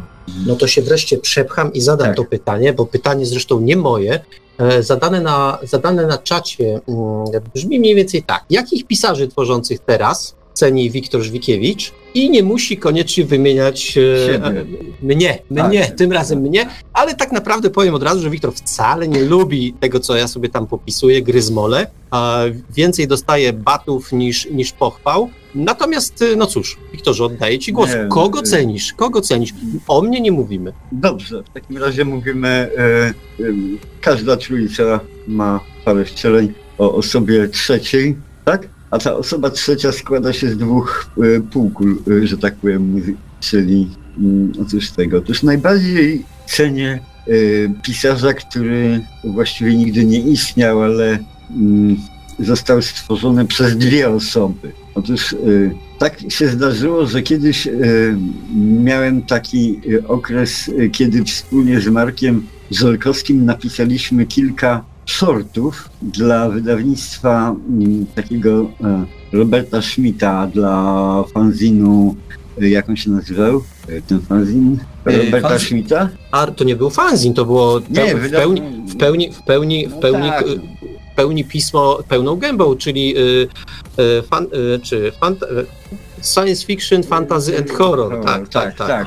No, no otóż, e, otóż e, myśmy tam e, e, kilka, kilkanaście prawie e, sortów e, takich opowiadanek na półtorej, dwie strony. I ja uważam, że to są absolutnie najwie, największe osiągnięcia współczesnej literatury science fiction. Grunt to skromność. Ale pardon, ja nie o sobie, ani nie o tobie. Tak jest. to trzecia osoba, czyli to, co było z nas, co się złożyło do kupy. Każdy, każdy kto chce zobaczyć, co ja potrafię i co potrafi, e, oczywiście przy wielkim wzrocie Marek Żorkowski, niech zajrzy do tych opowiadanek, bo według mnie one są genialne. Okej, One ale są i, najgenialniejsze. okej, ale i tak pocisnę. Jakbyś No. miał wymienić jeszcze jakichś innych autorów poza naszy, nas, naszymi genialnymi No. nazwiskami, niech ci już będzie, to kogo byś tak naprawdę wymienił? No Już znaczy, zupełnie poważnie. Ja e, zupełnie poważnie to w takim razie i tak nie mogę oceniać, bo ja nie jestem krytykiem. Ja tylko mogę powiedzieć to, co ja lubię. A ja lubię e, Rafała Ziemkiewicza. Okej, Tak, Okej. lubię to, co pisze. Lubię, to jest zupełnie obce mi. To jest zupełnie nie tak, jak ja lubię pisać. To jest zupełnie Ale nie, mówisz- nie takie i tak ale dalej. muszę ci nie? przerwać. No. No, mówisz o publicystyce, czy mówisz o O fantastyce? fantastyce. O fantastyce, okej. Tak, ale publicystykę lubię. Publicystykę szanuję, a, a, a ten, a prozę lubię bardzo. Jeśli mogę, bo pamiętam jak odkrywaliśmy Rafała Ziemkiewicza, to było tak trochę podobnie jak z tobą. Pierwszy tekst y, z Młodego Technika. Pierwszy tekst też bardzo taki w duchu Tak, brytbrowskim. tak, tak. Jezus, no bardzo fajnie. Pojawi się ktoś, kto tak pisze. Podobne myśli jak przy, przy Marzeniu się pojawiły. No i krótko potem mieliśmy okazję poznać autora, który rzeczywiście robi dość e, szybko karierę. E, no i droga na Zaleszczyki otworzyła moim zdaniem już tak e, wrota Rafałowi do pisania tej, tej Mhm. najlepszej Mhm. fantastyki, Mhm. bo w sumie dostał też gdzieś, mm, znalazł się też w końcu w Mhm. pewnym momencie na Panteonie, ale jednak nie utrzymał się na nim dość długo, chyba dlatego, że po prostu już nie był systematyczny. Poszedł Przestało go to interesować, Tak, zajął tak, się tak, czymś zupełnie innym. E, ja w ogóle a propos tych, tych najlepszych pisarzy, mogę powiedzieć też. Jak najbardziej, anegdotę. zapraszamy. No właśnie, bo jak już anegdoty się tu pojawiają, to ja też od czasu do chcę wtrącić moje, chociaż są bardzo mało spektakularne w porównaniu z tym, co mówi Wiktor i, i tym Mar- Mark również. No ale mm, powiem, kiedyś młody człowiek, bo ja po prostu no, specyfika mojego zawodu powoduje, że często kontaktuję się z bardzo młodymi ludźmi. No i bardzo młody człowiek, mający lat gdzieś tam chyba 17, spytał mnie całkiem niedawno, to było jakieś dwa lata temu, czy, ponieważ mówiłem o wyższości literatury science fiction nad literaturą fantasy. Trochę prowokacyjnie, bo ja nie jestem jakimś tam szowinistą i nie uważam, że fantasy to coś gorszego, po prostu lubię SF. No i poprosił mnie, żebym zrobił coś takiego. Powiedział bez zastanowienia, bez zastanowienia, pięć najlepszych moim zdaniem książek science fiction, jakie w swoim życiu przeczytałem. No, rzeczywiście to jest dość trudne, ale y, o tyle łatwe, że rzeczywiście no, mówić można bez zastanowienia i zrobiłem to. Podejrzewam, że gdybym mm, nie zgodził się na ten eksperyment i zaczął myśleć i główkować, to do tych pięciu tytułów to do dziś bym nie doszedł. No więc powiedziałem, to były y, w następującej kolejności, to co też ciekawe. No, trylogia księżycowa Żuławskiego, e, głos pana e, Lema, e, robot Adama Wiśniewskiego Snerga, Delirium Tarsis Żwikiewicza i Domek Świeczki Domolewskiego. No i gdy to skończyłem, no na mnie spojrzał zdziwiony. Myślę, że niektóre nazwiska e, usłyszał po raz pierwszy i powiedział, przepraszam bardzo, ale ja chciałem, żeby pan mi powiedział pięć najlepszych książek science fiction, jakie pan w ogóle w swoim życiu przeczytał, a nie pięć polskich książek. I ja wówczas zauważyłem, że faktycznie, bo nie zastanawiałem się nad tym, wymieniłem samych polskich pisarzy i jak się okazuje, y, potwierdzam to dzisiaj myślę, że przy tej piątce zostanę po bardzo poważnym zastanowieniu. Nie moja wina, że tak się złożyło, że najlepsze książki SF, jakie poznałem w swoim życiu, wyszły spod pióra polskich pisarzy. Nie było w tym jakiegoś mojego szczególnego patriotyzmu.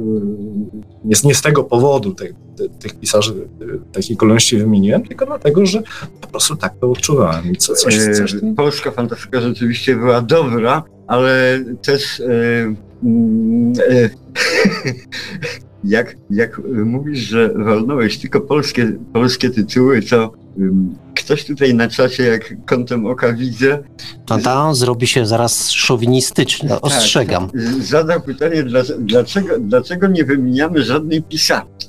No jak tu wymienić pisarkę, szczególnie polską? Oj, no, może. mm, no można. Ty mówisz, że można. Mhm. A ja, ja twierdzę, że to jest jednak pew- poleci szowinizmem pewna- zaraz. he- hermetyczność. Jeszcze gorzej niż szowinizm. Otóż e, I tak dobrze, dobrze zapowiadającą się audycję zdejmą z anteny. No trudno, mów. e, tak. Otóż e, ja ostatnio zadałem pytanie komuś, już nie pamiętam komu, czy zna pisarza światowej klasy jakiegokolwiek marki czarnoskórego. Nie ma, nie ma, kochani. Fantastykę naukową tworzyli wyłącznie biali ludzie. Ale Tylko. pojechałeś. Tylko. E, e, I w dodatku tylko mężczyźni. Jesteście rasistami za 3, 2, 1. Już, już. Nie jesteśmy, nie jesteśmy. Nie jesteśmy rasistami, Nie. bo ja już mam od razu argument dla Wiktora, który go zdruzgocę.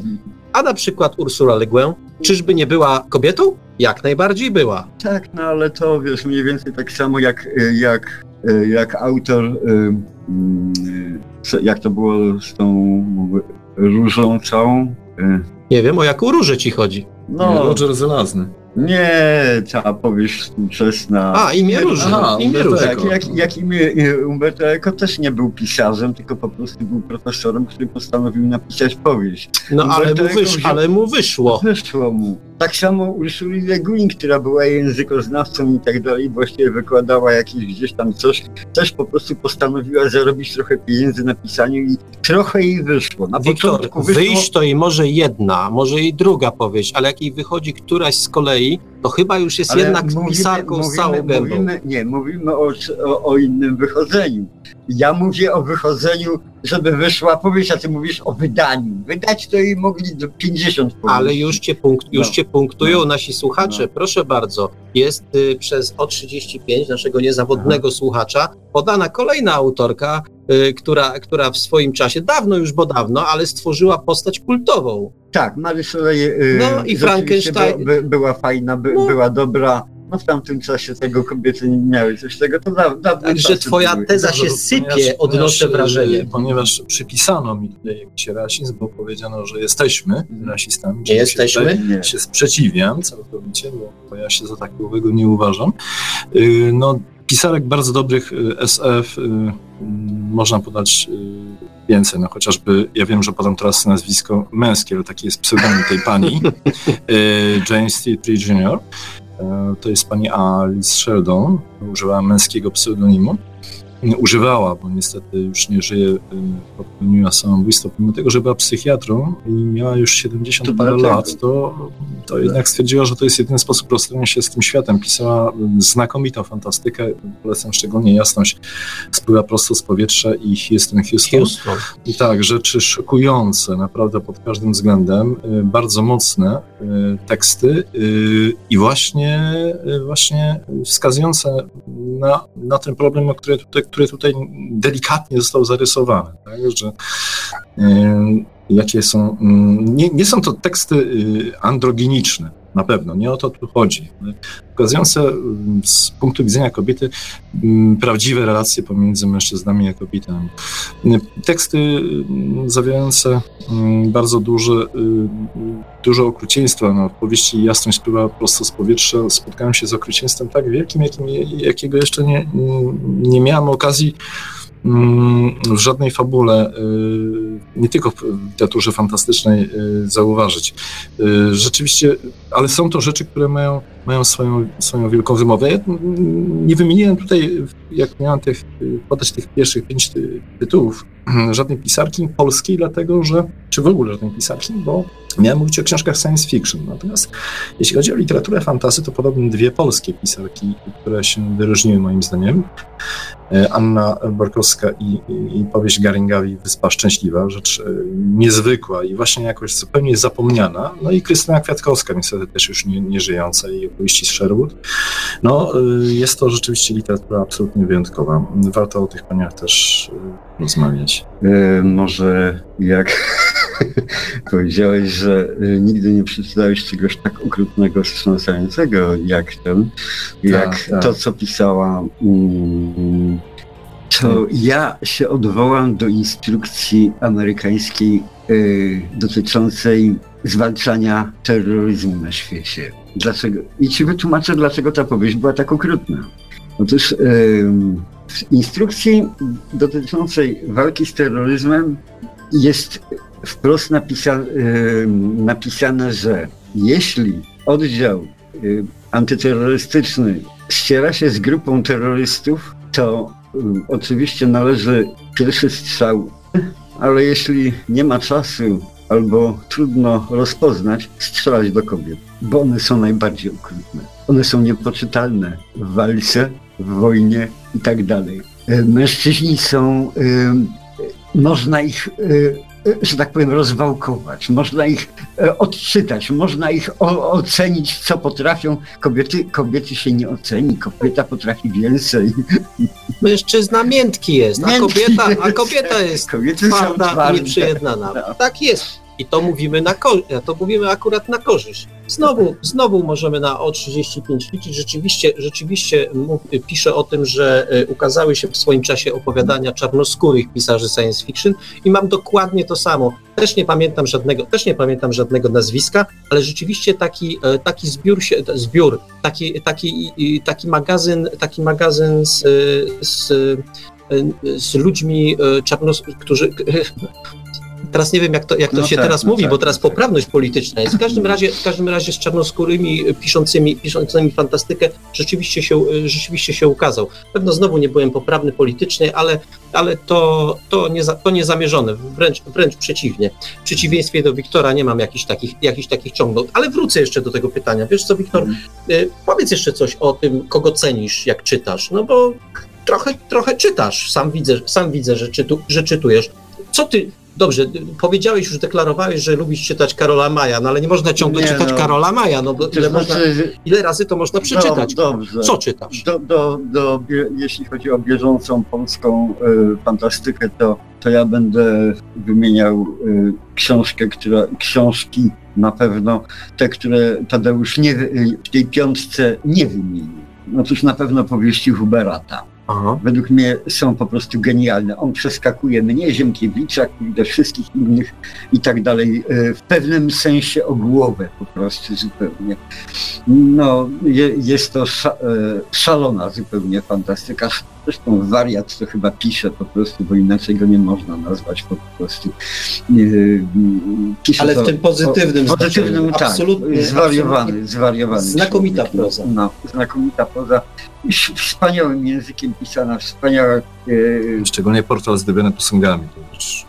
ach, tego ja akurat nie znam jeszcze. Patrz, To to, jeszcze, się najlepsze. a, to, ja jeszcze, to ja mówię o tym, że jest genialna, nie czytałem tej najlepszej. najlepszej. O, kurde. Ileż wzruszeń przed tobą, Wiktorze. No, także Huberat, Huberat na pewno. Yy, Do Dukaja mam takie yy, miękkie yy, serce po prostu, bo trudno mi cenić coś, co jest strasznie mi bliskie. Po prostu on, on, on po prostu Dukaj pisze tak, jak ja bym chciał to napisać, więc, więc trudno mi to że tak powiem, za bardzo chwalić. Skoro ja bym to potrafił, to, to, to, to tego. Nie, nie Hubera, a Huber, tak jak Hubera, to ja bym nie napisał. Nie? Dobrze, Nie Wiktorze. Ja myślę, że nadszedł czas, nadszedł czas, żebyś powiedział trochę o książce. Właśnie nie wiem, czy to można nazwać książką, o utworze swoim, który obrósł, obrósł był mitem i który w dalszym ciągu e, tak naprawdę e, dane poznać ten utwór, to tylko nieliczni go poznali po prostu. Wiesz już o czym mówię i w takim razie opowiedz o tej książce, co się z nią dzieje tak naprawdę, bo to jest książka, o której ja już słyszałem w latach 80. Ona powstała jeszcze wcześniej tak naprawdę i tak ciągle o niej słyszę, słyszę, co róż, co róż ktoś mówi, że ona już, już, nawet ty ostatnimi czasy mówiłeś, że już, już, no to co jest z, tym, z tą książką? Przypomnę, książka nazywa się Kosmodram Machu Picchu. W swoim czasie liczyła ponad tysiąc stron maszynopisu. Co tam się dzieje? No i ona będzie tyle liczyła, czyli będzie około 1200 stron. Y, do, może dla rozrywki zacytuję cały jej tytuł, a nie tylko ćwiarteczkę. Y, to jest y, powieść ma tytuł Kosmodram Machu Picchu, czyli historia okrutna o miłości i zbrodni, o zwycięstwach, upadkach i rozterce walecznego Tristana 430 tysiące, coś tam, jakiś numer, w najwspanialszej galaktyce wszechświata. O, tak jest pełen tytuł tego utworu. E, w tym Już po... tytuł jest długi, a co dopiero powieść. Tak, e, jeśli ko kogoś bawi e, zorientowanie się, na czym to, ta rzecz polega, to na portalu, na Facebooku, w portalu Yy, cholera, jak on się nazywa? Dobrze, to, to ja przejmę pałeczkę na tak. chwilę. Yy, na Poltergeistie. Na Poltergeistie, na Poltergeistie jest, czyli tak. nie na Facebooku, na tak, Poltergeistie. Tak. Yy, cztery rozdziałiki, bodajże cztery, cztery rozdziałiki. Yy, pierwsze tej powieści A, są... Ale nie, nie, to jeszcze musimy powiedzieć jedną rzecz. To są cztery rozdziałiki e, z nowej wersji kosmodramu, ponieważ Wiktor w swoim czasie był, skończył, napisał te swoje ponad tysiąc stron. Powieść sobie poleżała lat 20 Pewnego dnia pięknego Wiktor wziął powieść, przeczytał i powiedział tak, pamiętam to. Trzeba tu wszystko zmienić. Wszystko zmienię. Absolutnie wszystko. Mam taką żelazną zasadę, że jak już powieść jest skończona, to muszę się jej przyjrzeć i wprowadzić tam jeszcze jednego bohatera. I właśnie to robię. I od pewnego czasu, tak już ze trzy lata albo cztery, Wiktor wprowadza tam nowego bohatera, więc nic dziwnego, że najpierw wyrzucił kilkaset stron z tej powieści, a potem wprowadza kolejne kilkaset. Mieli. I warto powiedzieć, że te cztery rozdziały, które na Poltergeistie się znajdują, to jest już ta nowa, lepsza, tak, przerobiona tak. wersja, przerobiona wersja gospodramu. I nadaje się do czytania. Tak, i Wiktor deklaruje, że się nadaje do czytania. Ja powiem tak, to jest oczywiście taka, taka, deklaracja, taka deklaracja, e, której Wiktor puszcza do nas oko, bo to jest e, rzecz, która nie tylko w mojej ocenie, bo ja jestem nieobiektywny, Wiktora znam, w ogóle, w ogóle tam, w ogóle jestem nieobiektywny. Natomiast rozmawiałem z ludźmi, którzy są po lekturze e, te, tego fragmentu i byli autentycznie zadziwieni, znając to, co pisze Wiktor i znając te cztery, cztery rozdziałiki, no spotkałem się z takim niedowierzaniem. To Wiktor? To naprawdę Wiktor to napisał? Słucham cię, Tadeusz. Mów. Powiedziałeś, że po raz pierwszy spotkałeś się z tytułem Kosmodram Machu Picchu w latach 80., a ja spotkałem się y, jeszcze w 70., czyli w 1979 roku. To już jest dzieło mityczne. E, tak. tak, ja zacząłem ale, ale, mając lat 18 czy 19. Ale, ale co, co, jest istotne i teraz ja już tutaj nie będę y, tolerował żadnego puszczenia oka, bo chcę powiedzieć coś bardzo serio i dobitnie. Wiktor wtedy obiecał nam, miłośnikom fantastyki, że ta książka będzie Biblią science fiction. I dlatego bardzo Cię proszę, Wiktorze, w imieniu nas, wyznawców, Mesjaszu, proszę, daj nam nasze Pismo Święte. Jak długo możemy na to czekać?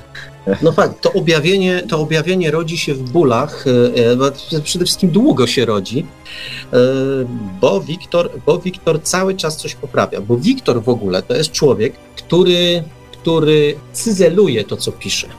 Ja y, miałem taki epizod, że napisaliśmy wspólnie opowiadanie. Ja nie, nie mówię o tym opowiadaniu, które, o, który, o tych opowiadankach krótkich, które miały kilka, kilka stron, więc to je się pisało w miarę szybko.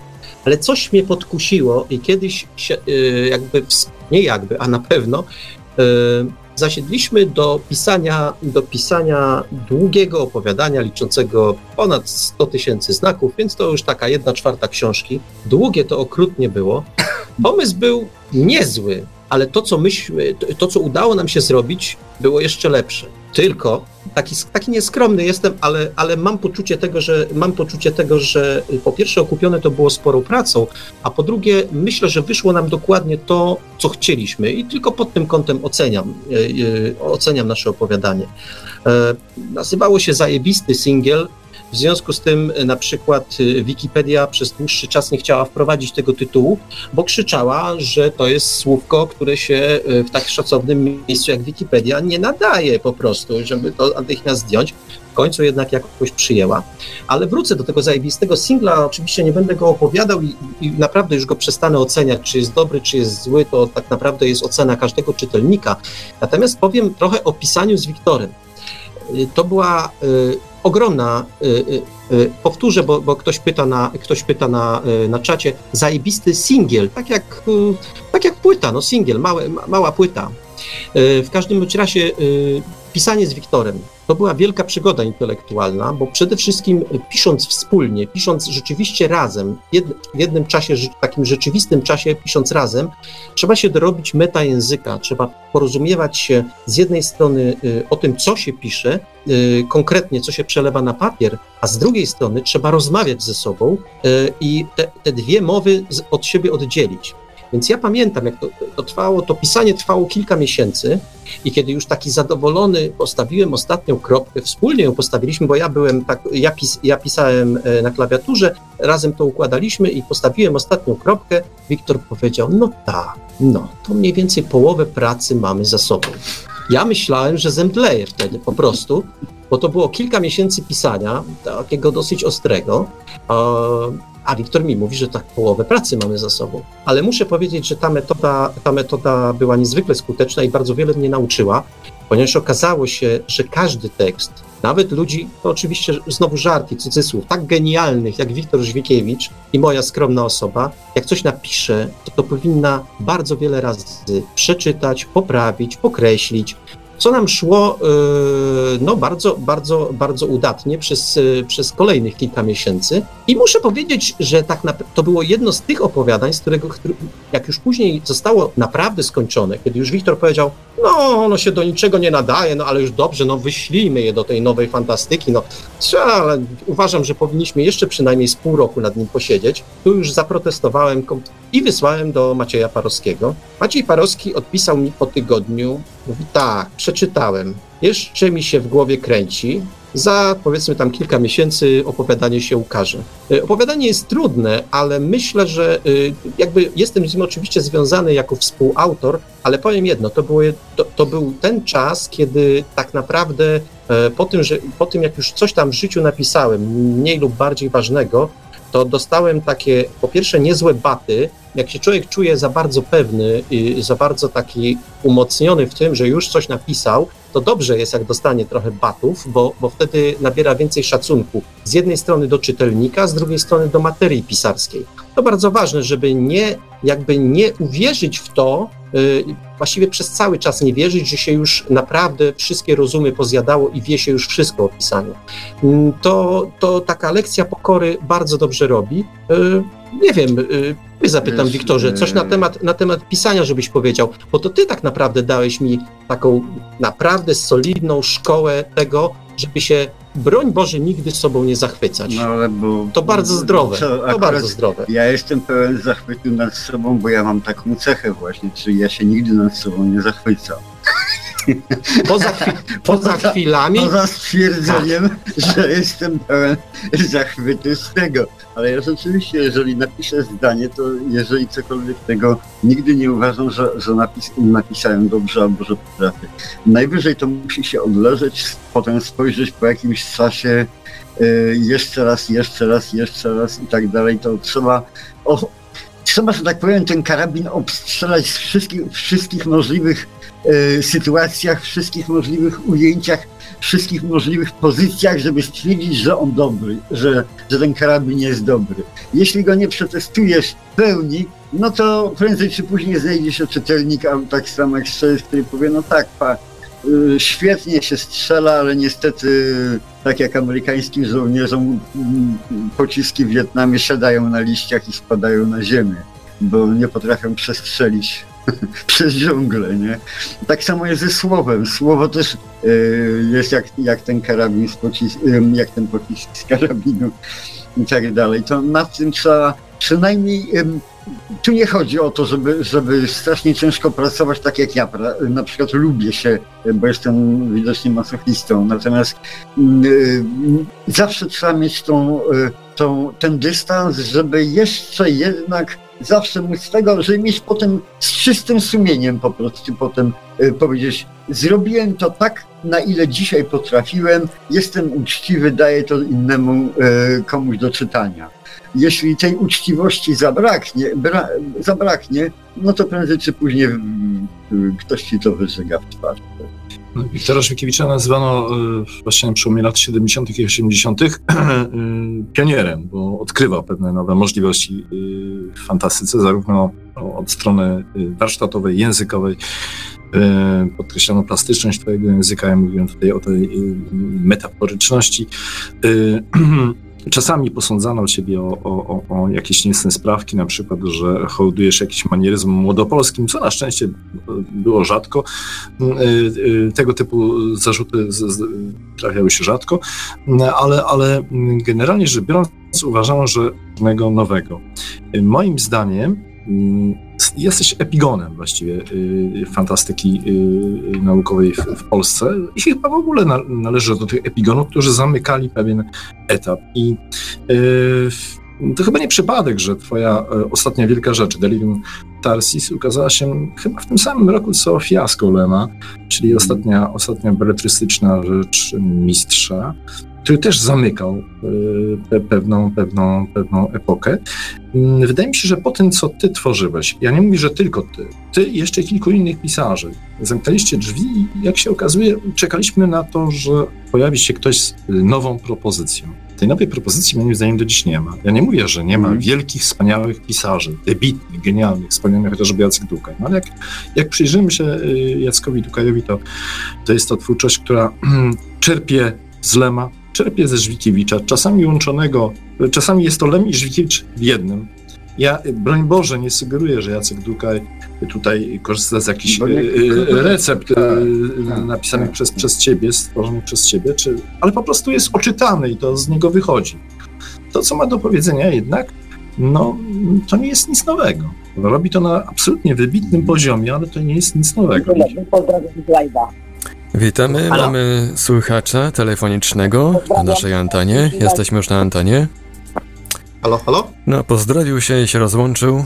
Tak więc panowie kontynuujcie. Halo, halo? Czy nic nie słychać? No, o Zajdla. Pytał się o, o Zajdla? No chyba tak ale nie wiemy niestety o, o, o, co się pytał, jeśli chodzi o Zajdla, także możemy różne rzeczy o Zajdlu w tej o, chwili powiedzieć. Bardzo proszę, o Zajdlu mogę powiedzieć, że nigdy w życiu chyba nie spotkałem bardziej sympatycznego człowieka jak, niż, niż Zajdel. To był człowiek, który miał zawsze uśmiechnięte oczy normalnie, w dodatku był był e, empirystą, czyli fizykiem, a, a, nie żadnym humanistą, który, który truje, że tak powiem, o, e, nie wiedząc o czym. Zajdel, dla Zajdla pisanie było taką, taką właśnie zabawą troszeczkę właśnie uczonego, czy technokraty, który się troszeczkę kulturą pobawi po prostu i on się bawił tym. On miał wielką, wielką radochę. Wszyscy go traktowali czasami na poważnie, a on pamięta jak siedział w knajpie, wszyscy pili piwa. Zajdel się śmiał do rozpuku nad głupimi pomysłami, na które w danym momencie wpadał do tego i on to umieścił w książce. Bo tego on był strasznie zabawowy, strasznie rozrywkowy, chociaż bardzo poważny i sympatyczny człowiek. A ja mam, do, ja mam, no. ja mam do ciebie, Wiktorze, bardzo poważne pytanie, bo tak sobie żartujemy, zabawiamy się tutaj. A ja mam poważne pytanie. Powiedz, dlaczego nie piszesz? Bo ty masz y, swoiste credo, jeśli chodzi o to niepisanie, bo z pisarza stałeś się niepisarzem w tej chwili, z pełną świadomością, z pełnym takim e, zrozumieniem tego, że nie chcesz pisać. Dlaczego nie piszę? To znaczy, to jest zabawowe w sumie, bo są różne metody, że tak powiem, pisarskie, różne kuchnie, różne warsztaty, różnie, różnie to się wszystko odbywa, nie? U mnie to wszystko jest straszliwie proste i może jednokanałowe, że tak powiem. Otóż ja muszę mieć z tego, co robię, dobrą zabawę i muszę się tym bawić i muszę traktować równocześnie mm, cholernie na poważnie, muszę się tym pasjonować. Muszę, że tak powiem, tym, y, co piszę, muszę żyć po prostu. To jest mój. Jeśli ja nie żyję tym, co piszę, to ja nie piszę po prostu. To ja w tym momencie żyję grając w Fallouta Tactica albo w Master of Oriona, że tak powiem, albo w UFO i tak dalej, jakąś grę, bo ja się wtedy tym bawię, tym żyję i tak dalej. I jeśli ja, y, kiedy, mm, żeby, żeby móc pisać, to ja się muszę tym bawić. I o ile y, dzisiaj mnie, że tak powiem, nie za bardzo bawi pisanie, nie, Hollander. Ciężko mi to wybrnąć, to tak samo jak z tym szowinizmem albo, albo rasizmem, że tak, Tak, powiem. zakopie się człowiek, a E, później nie wie jak wybrnąć. Nie, ja po prostu nie jestem z tej paczki ludzi, którzy na przykład potrafią to traktować jako zawód, nie? Ty, Marek, potrafisz w pewnym sensie traktować jako zawód. E, piszę, bo umiem, bo, bo potrafię i tak dalej, nie? E, Potrafię jakoś tam żyć z tego, e, bo mnie, i mnie to pasjonuje, bo ja wiem, że cię to pasjonuje. Każdą rzecz przeżywasz i jest, jest to ba, bardzo, bardzo tego. Natomiast ja w ogóle, kiedy, kiedy piszę, to nie, nie myślę o tym, żeby z tego żyć, a nie można tak nie myśleć. Rozumiesz? Nie można. Ja całe życie żyłem y, tylko dlatego, pisałem tylko dlatego, że właściwie stać mnie było napisane. Byłem młodym człowiekiem, nie miałem żony, dzieci i tak dalej. Nie miałem domu, nie miałem pleca, niczego w ogóle. Miałem plecak, gitarę na plecach po prostu i ten. I łaziłem po świecie i pisałem jak, jak ten. Nigdy nie myślałem, a pieniądze zresztą miałem z czego innego, a nie z pisania. Ale przerwę ci. Ale wiesz, Wiktor, to też No. tak nie do końca, bo pewna anegdota opowiedziana mi przez e, naszego wspólnego znajomego a, mówi o tym, że on postanowił zostać pisarzem, Mhm. kiedy dowiedział się, ile e, kasy e, dostałeś e, za jedną ze swoich książek.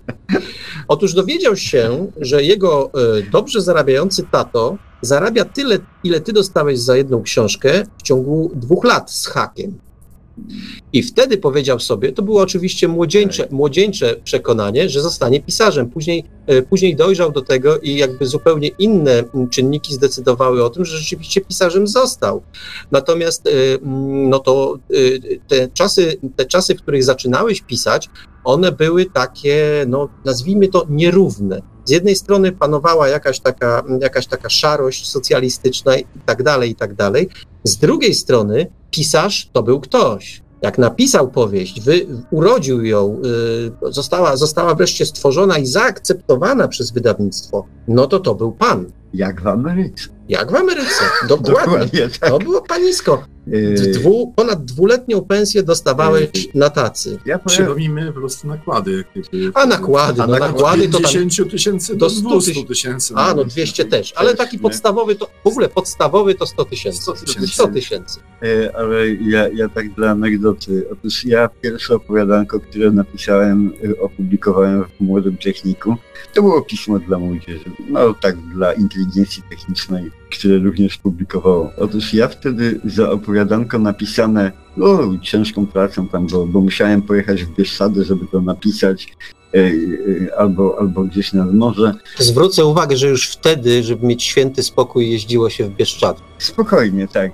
No, e, ale ja za to opowiadanko dostałem z młodego technika 4000 z- złotych polskich. 4000. Jest to absolutnie porównywalne y, z dzisiejszą złotówką, gdyż mój ojciec wtedy, y, mając siedmioosobową rodzinę, trójkę dzieci, babcie, babcie, matkę i tak dalej, siedmioosobową rodzinę na utrzymaniu, będąc głównym księgowym w e, Jutrzence Bydgoskiej, czyli firmie e, produkującej słodycze i stojącej bardzo dobrze, zarabiał wtedy 1200 zł miesięcznie. To był główny księgowy w firmie Jutrzenka.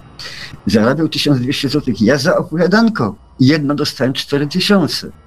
To sobie można wyobrazić, ile ja dostałem. Ja oczywiście te wszystkie pieniądze przyniosłem do domu i, i dałem, oddałem rodzicom, bo mi one nie były do niczego potrzebne. W tamtych zresztą czasach oddawało się pieniądze rodzicom, a nie, nie, nie przećpało, ani nie przepijało, ani I nie prowadziło życia hulaszczego. kulaszczego i tak dalej, nie?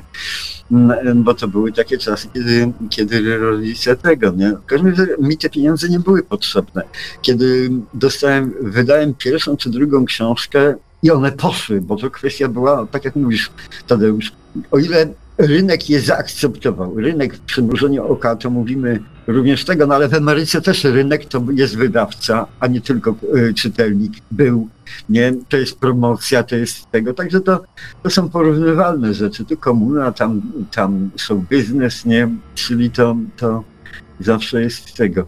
I, y, ale chcę wrócić do czasów dzisiejszych. Ty mi mówisz, czemu nie piszę.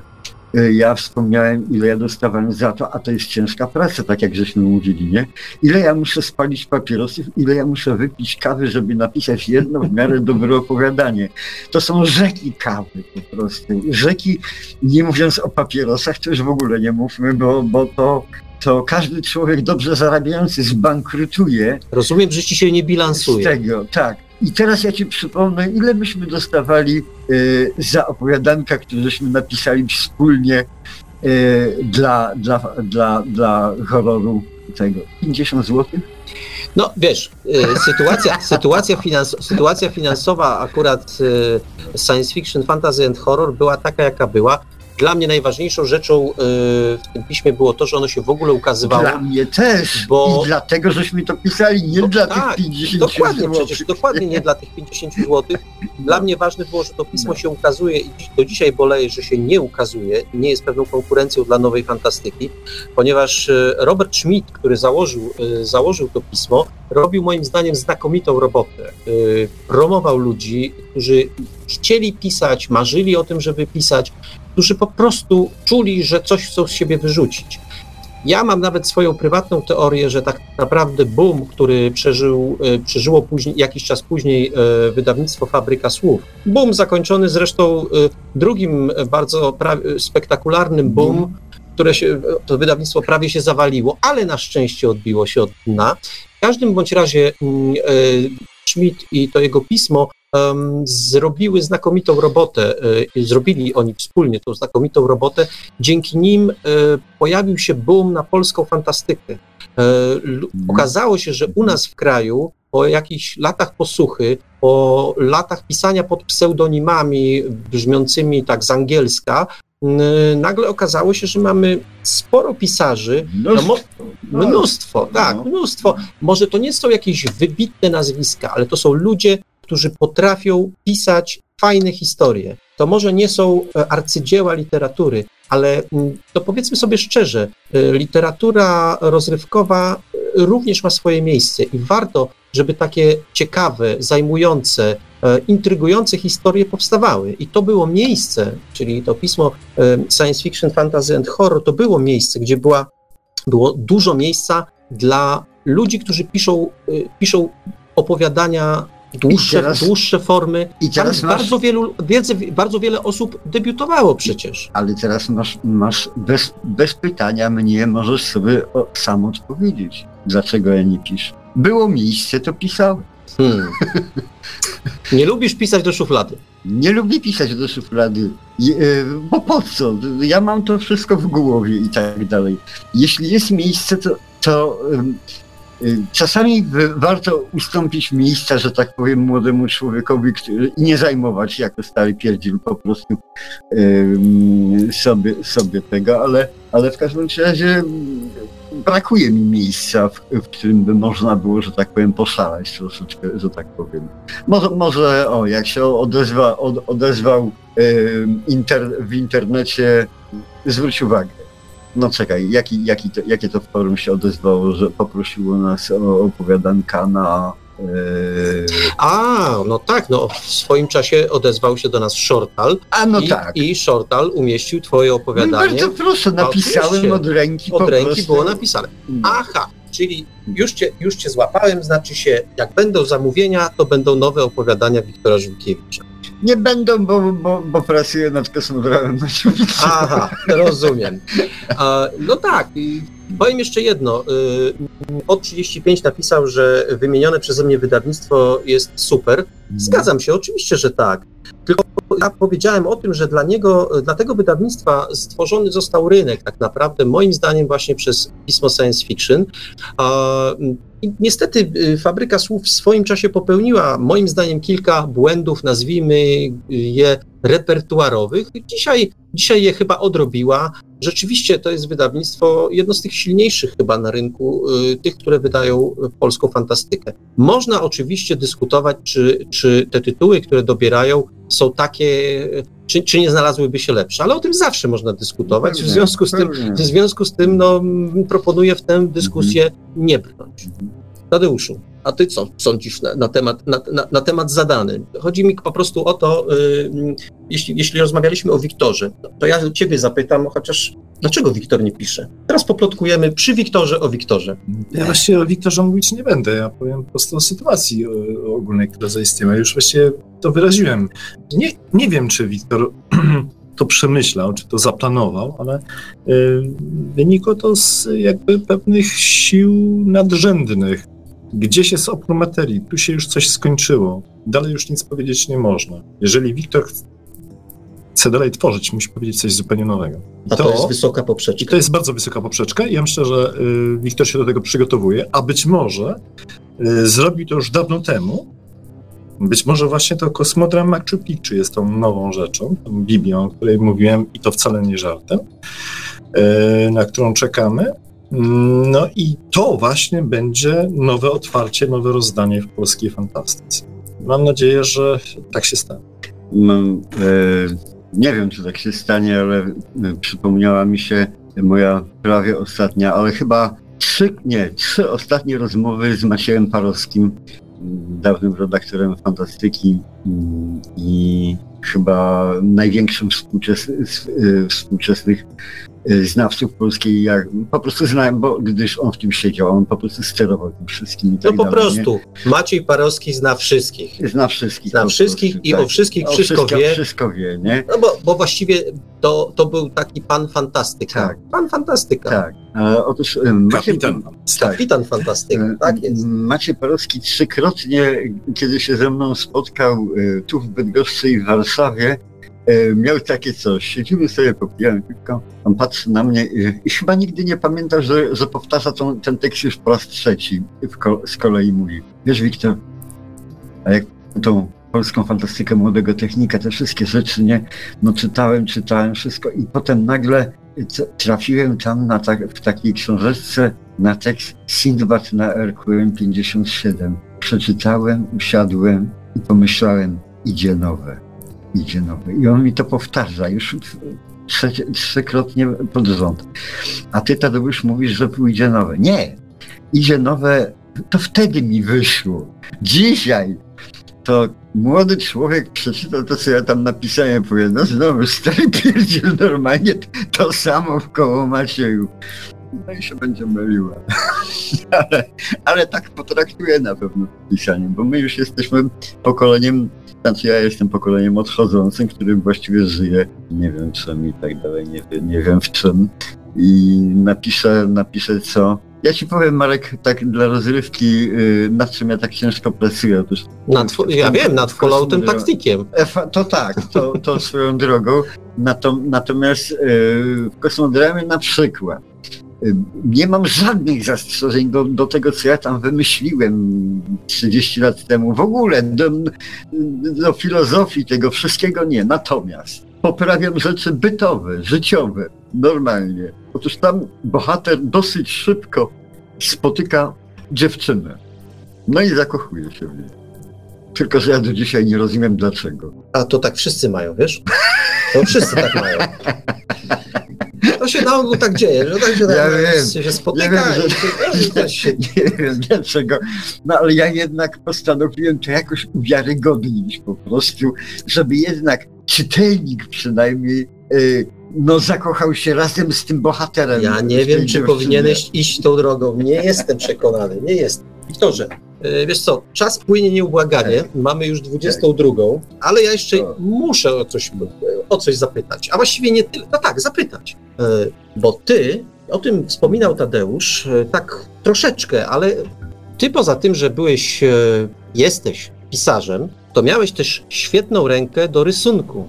E, kilka tomików e, Twojej prozy było przez Ciebie ilustrowanych. Te mhm. wydania w naszej księgarni z serii Stało się, e, stało się jutro były w sporej części ilustrowane przez Ciebie. Wiele okładek serii, serii wydawanej przez KAF, tej serii z glizdą tak zwanej, było ilustrowanych przez Ciebie okładki były robione do nich. Zatem miałeś, miałeś rękę, miałeś, miałeś to, to kopyto, ten warsztat, który, którym się posługiwałeś, byłeś człowiekiem, który, który się, nie wiem, czy tak, parał się grafiką. Tego dzisiaj nie ma. ale coś, jak, jakieś, coś nad tobą ciąży, bo w tej chwili pracujesz nad czymś, co, e, co również gdzieś o obraz zahacza. Powiedz o tym, ja, że ja nie będę, ja nie, będę, ja nie będę mówił zamiast A. ciebie, bo to, jest wielki, bo to jest wielki projekt, który robisz i projekt, o którym warto powiedzieć, bo ja myślę, że y, minie niewiele czasu i zrobi się o tym projekcie głośno. Ale ty najpierw nakrzycz i okrzycz to. y, Co robisz? No ja właśnie zapomniałem, jak mówiliśmy o kosmodramie, to ja zapomnia, zapomniałem o tym, że mam inną robotę jeszcze do, do skończenia i to błyskawicznie, bo to kwestia mm, najbliższego roku, dwóch lat jakiejś y, ciężkiej dosyć roboty i to cię, ciężkiej roboty. Otóż z, mm, y, poza kosmodramem y, najtrudniejszą książką, którą napisałem, to było mm, Delirium w Tarzys. E, Oj, wie- ciężko. większo- większość ludzi nie jest w stanie to przeskoczyć, no ale tak się zdarzyło, że kiedy ta książka się ukazała na tym świecie Bożym, yy, znalazł ją w kiosku, bo okładka była przeze mnie namalowana, dosyć sprośna. Obsceniczna, yy, powiedziałbym. obsceniczna wręcz. Sam ją zrobiłem, sam ją osobiście wykonałem dla siebie. Ale nie za to cię cenimy. Tak. Y, Ja też y, tą książkę sobie kupił w kiosku 14-letni gówniarz. Mm, No i przeczytał jak, jaką jedną z pierwszych książek w ogóle, jak, jakie w życiu przeczytał, nie? No i dostał świra po prostu. No, no, ale to miał 14 lat wtedy, no ale potem poszedł na, do szkoły, potem skończył studia, Akademię Sztuk Pięknych, potem wyjechał do Francji, potem wrócił z Francji, potem znów pojechał i tak dalej, tego potem za, zaczął, zaczął tego. Otóż ten człowiek całe życie chodził ze świrem w głowie. Świrem Delirium Tarzys po prostu. To była jego książka, jego coś, co on y, w młodości przeczytał i wszystkie odnośniki, wszystkie tego. Ten człowiek zgłosił się do mnie dzisiaj, to znaczy mówię tam pół roku temu. Ale oczywiście ci przerwę. No. Powiedzmy o jednej rzeczy. Człowiek, który w dorosłym życiu, e, poza tym, że był zakochany w, Tak. e, Delirium w Tarzis, e, również był zakochany w komiksie w ogóle. To był No człowiek, tak, który tak, na tak, komiksie to był. Jest Tak, człowiek, jest. który na, komik, na komiksie się świetnie zna i postanowił te dwie pasje ze sobą połączyć. Pasję do książki Wiktora Żwikiewicza i pasję do komiksu. Tak, i to postanowił najtrudniejszą książkę, jaką w życiu przeczytał, prze, przełożyć na komiks. E, jak przyszedł do mnie i powiedział mi to prawie stojąc w drzwiach i tak dalej, to popatrzyłem oczywiście na niego jak na idiotę. Mm, Bo co ta książka ma wspólnego z komiksem i jak to tego się w ogóle nie da przełożyć, nie? Natomiast jak spojrzałem mu w oczy, zobaczyłem taką pasję, taki ogień w nim. Ja mówię, cholera, skoro on w to wierzy, To ja też uwierzę. To ja przynajmniej powinien spróbować uwierzyć, nie? Zacząłem z nim rozmawiać po prostu, nie? No i widzę, że oczywiście facet nie ma pojęcia, jak to zrobić, nie? Natomiast patrząc na mnie, wierzy, że ja będę miał pojęcie, nie? No skoro on wie, ufa mi, no to ja nie mam tego, nie mam wyboru. Muszę, muszę podjąć tą pałeczkę. No Ja i myślę, że już dobrze podjęli, nie? przeciągnęliśmy, Tak. przeciągnęliśmy to zdradź Tak. teraz imię y, i nazwisko Aha. swojego współpracownika. No, Andrzej, Andrzej pan Bogaczyk jest, y, jest grafikiem, jest y, komiksiarzem, jest robi Znawcą komiksu. znawcą komiksu i tak dalej. No rzeczywiście będzie, będzie e, to znaczy mamy wie, wiele, wiele rzeczy zrobione i wiele rzeczy można znaleźć na, na u Krzysztofa Sokołowskiego na Na Facebooku. na Facebooku. Krzysztof Sokołowski ma plansze, które żeśmy mu podesłali. Ja jeszcze tylko przerwę. No. Krzysztof Sokołowski to z kolei e, znakomity tłumacz, e, tłumacz między innymi książek Stephena, niektórych książek Mhm. Stephena Kinga. No dobrze, ale jeszcze takim pewnym smaczkiem e, tego komiksu, który wspólnie tworzycie, który właściwie e, w sporej części już powstał, Tak, tak. a jest to, że on prawdopodobnie nie ukaże się w Polsce, przynajmniej najpierw nie ukaże się w Polsce, a najpierw ukaże się To znaczy, chyba się ukaże we Francji najpierw, ale wcale nie jesteśmy, ja nie jestem do tego przekonany. Ja bym wolał to wydać Bogiem a prawdą y, za darmo w Polsce, a potem zarobić we Francji. Na tej zasadzie. Ja teraz wiem, Wiktor, ja teraz wiem, Wiktor, dlaczego, dlaczego, dlaczego em, powinieneś się trzymać od biznesu z daleka. Ja myślę, że jak ona wyjdzie we Francji, a później przyjdzie do Polski, to, to przynajmniej w przekonaniu powszechnym będzie lepsze. To będzie lepsze, bo jak coś przychodzi z zachodu, to zawsze No jest tak, lepsze. tak, tak. Nie, no oczywiście żartujemy, ale, ale y, I co, dało się przerobić Delirium na komiks? Da się, da się przerobić i ja, ale... Ale powiedz o tym, że właściwie trzeba było całą książkę zdemolować. No zdemolowałem ją bezlitośnie i to w przeciągu pierwszego dnia chyba y, od razu na, w rozmowie, gdyż kiedy ten człowiek, Andrzej Bogaczyk patrzy na mnie i mówi, że chce zrobić y, komiks z tego, to ja od razu wiem, że to się nie nadaje na komiks. Natomiast klimat, filozofia, wszystko, co zostało zrobione y, w powieści, doskonale się nadaje jako tło do komiksu. Jako pejzaż, w którym się będzie poruszała fabuła komiksu. No ale jak to zrobić, żeby ten sam bohater, co w powieści, że tak powiem, żył troszkę inaczej niż w powieści, bo w komiksie no nie da rady specjalnie, a poza tym szkoda sobie zawracać głowę takim problemem. Dużo prościej było zrobić. No, to była, nie wiem, pięciu, po pięciu minutach rozmowy z Bogaczykiem mówię, mówię mu, słuchaj, wywalamy Jonasa Hebrajczyka, głównego bohatera. On pozostaje głównym bohaterem, ale nie pierwszoplanowym. To jest główny bohater powieści. Główny bohater komiksu będzie osobą, której w powieści w ogóle nie było. Bogaczyk na mnie tak patrzy. Nie? Pełna demolka. No ale, ale jaka, ja, jako tego? Ja mówię, wiesz, ten Megaloxanta to jest taki gigantyczny. Megaloxanty to są w ogóle żuki żyjące na ziemi i tak dalej, takie wspaniałe, kolorowe, bardzo bojowe, toczące walki. To, to jest nazwa łacińska gatunku żuku Megaloxanty.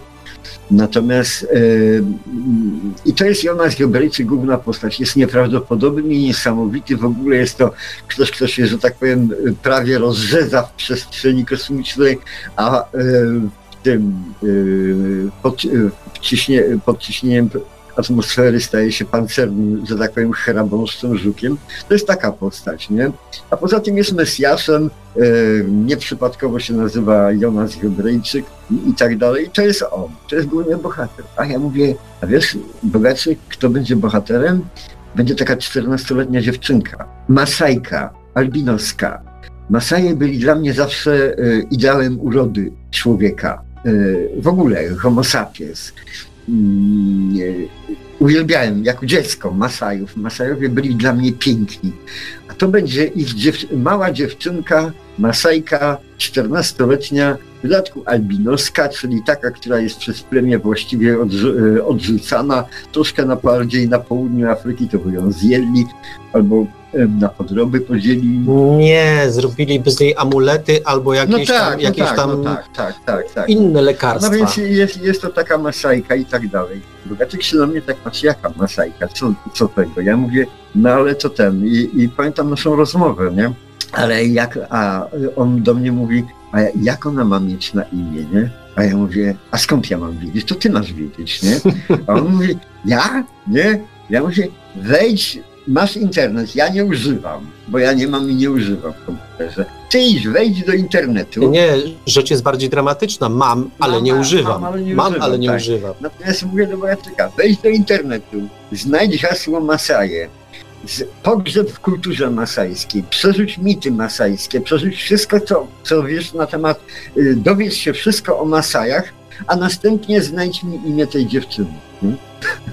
Bogaczyk patrzyłem, no dobrze, pojechał do tego Poznania, bo, gdzie, gdzie, gdzie mieszka i ten, i e, e, po, chyba po tygodniu dzwoni do mnie Wiktor, a czy może być coś takiego? Ja mówię, co? Mów, nie? Endido Apusz. Jakoś sztucznie mi to brzmiało, jakoś tego mówię, a co to znaczy, nie? Słuchaj, on mówi, jest po masajsku, Endido, to jest nieobrzezana dziewczynka, bo oni y, dziewczynki obrzezują. No to jest nieobrzezana dziewczynka, to jest Endito. A ja mówię, a pusz? A pusz to jest y, taki amok y, w tańcu masajskim, również w walce, tak jak, jak berserk y, skandynawski albo ma, Masaj tak samo w tańcu doprowadzał się do takiego amoku, no i po czym rzucał się do obcinania łba sąsiedniemu, łbów sąsiedniemu plemieniu, że tak powiem, ale działo się to w tańcu od tańca się zaczyna. No i w ten sposób nasza bohaterka ma, ma imię pełne tego Endito Apusz. No. Dobrze, Wiktorze. Ja myślę, że za dużo nie zdradzajmy już no. tego komiksu. Widziałem myślę, jest piękna. Tak, znaczy y, rysunki są znakomite. nie mnie oceniać, bo się słabo znam, ale robi wrażenie. Na mnie to, na mnie nie wiem, czy coś jest piękne, czy nie piękne, ale robi wrażenie. I ten komiks naprawdę, robi, na, naprawdę robi wrażenie. Myślę, że e, i tak już przeciągnęliśmy audycję dosyć, dosyć znacznie. Chyba to jest najdłuższa z tych, które, które dotychczas e, robiliśmy. Możecie Więc panowie przeciągać do woli, nie ma, nie ma żadnych ograniczeń czasowych. Nie, wiem, że nie ma, ale, ale już y, wszystko co dobre kiedyś się kończy. Ja myślę, że powoli będzie, powoli rzeczywiście będziemy zmierzać do końca. Natomiast to takie pytanie, nazwijmy kończące, zadać muszę. Gdybyśmy mieli podsumować, to Wiktor teraz zatyka uszy, a my y, z Tadeuszem plotkujemy. Tadeuszu, dlaczego warto czytać Wiktora Żwikiewicza? Albo przynajmniej zetknąć się z tą prozą. Jakbyś to miał teraz naszą rozmowę dzisiejszą podsumować, to co byś, e, tak jak już wtedy wymieniałeś na przykład najlepsze książki science fiction w punktach, to teraz jakbyś miał w punktach powiedzieć, dlaczego warto czytać Wiktora, to co byś powiedział? Wiktor warto czytać, ponieważ y, jego y, teksty nie są adresowane tylko i wyłącznie do fanów, do miłośników fantastyki. Wielkim zaskoczeniem było dla mnie, gdy spotkałem kiedyś mojego y, bardzo dobrego kolegę, pisarza, poetę, który y, zawsze gardził fantastyką, mówił, że to nie jest literatura, że nie warto o tym rozmawiać, którego próbowałem zarazić y, literaturą fantastyczną, podrzuciłem mu niebezpieczne wizje Harlana Ellisona, z czego wydubał dwa czy trzy opowiadania, które ewentualnie do czegoś się nadawały. Myślę tutaj o bydgoskim twórcy, dziennikarzu Krzysztofie Derdowskim. Krzysztof Derdowski pewnego dnia zaczepił mnie i powiedział, dlaczego ty mi nic nie powiedziałeś o Żwikiewiczu? Przecież to jest fenomenalna twórczość. I nie interesowało go to, mm, co dla mnie było ważne, czyli właśnie ten imaginacyjny świat tworzony przez Żwitkiewicza. Jego interesowało to, jak za pomocą e, tego poetyckiego języka mówił prawdę o człowieku. Dla e, Krzysztofa Derdowskiego nie było e, niczego ważniejszego chyba w, literaturze, jak mówienie prawdy o człowieku, o tożsamości e, człowieka w różnych sytuacjach, czasami nawet bardzo skrajnych. Sam to o, ludzkiej, o, o, ludzkiej doli. Sam to zresztą I, Krzysztof Derdowski tak, znakomicie oczywiście, robi. Oczywiście, I, yy, I właśnie stwierdził, że Żywiciewicz o tym mówi, że go guź go obchodzi to, że on ma tam etykietkę science fiction. Więc e, proszę Państwa, jeżeli ktoś nie jest przekonany do fantastyki, też niech sięgnie po Żwikiewicza. Jeżeli ktoś chce szukać po prostu dobrej literatury, mówiącej, mówiącej prawdę o nas, o, o człowieku, o ludzkości, o naszej kondycji, niech sięga po, po Żwikiewicza. Dlatego warto go czytać. Myślę, że lepszego podsumowania niż, e, niż przed chwilą usłyszeliśmy, no trudno by lepszego oczekiwać. Bardzo, bardzo dziękuję Tadeuszu za, za, za te słowa. A myślę, właściwie powiedziałeś to, co chciałbym powiedzieć, ale, ale, tak, mi się, ale tak, tak dobrze by mi się to nie udało. Dziękuję za, udział, dziękuję za udział w audycji. Dziękuję Tobie, Wiktorze. Sam również się żegnam. Dobranoc wszystkim. Dziękujemy. Dziękuję. No, to była czysta przyjemność być tu z wami. Tak więc to był kolejny odcinek audycji Bibliotekarium. Dziś oprócz gospodarzy Marka Żelkowskiego i Wiktora Żwikiewicza w audycji wziął również udział Świetny znawca literatury science fiction to, powtórzymy jeszcze raz, Tadeusz Krajewski, który o polskiej i zagranicznej literaturze science fiction wie, jak się przekonaliśmy dzisiaj w audycji, prawie wszystko i potrafi o niej pasjonująco opowiadać. Dzięki jeszcze raz panowie za udział. Jeszcze raz dziękujemy. Dziękujemy. No i zapraszamy na kolejny odcinek Bibliotekarium już za dwa tygodnie, a książką, która będzie stanowiła punkt wyjściowy do dyskusji będzie. A no właśnie, a no właśnie, jak zwykle, jak zwykle się opuszczam e, w swoich I to jest najważniejsze pytanie z całej tak dzisiejszej audycji. Tak, zaniedbuje się wyraźnie. Ja powiem tak, e, ogólnym, ogólnym tematem e, najbliższej, najbliższego bibliotekarium będzie coś, co określa się taką zbiorczą nazwą literatura postapokaliptyczna. Znowu gdzieś tam zahaczymy o fantastykę, ale a, a książką, od której, od, której, od której spróbujemy wyjść, a, jakby potoczyć tę kulę śnieżną z dyskusją, będzie książka y, Metro 2035. Powtarzam, nie 2033, tylko 2035. Y, tego samego autora, czyli Goluchowskiego.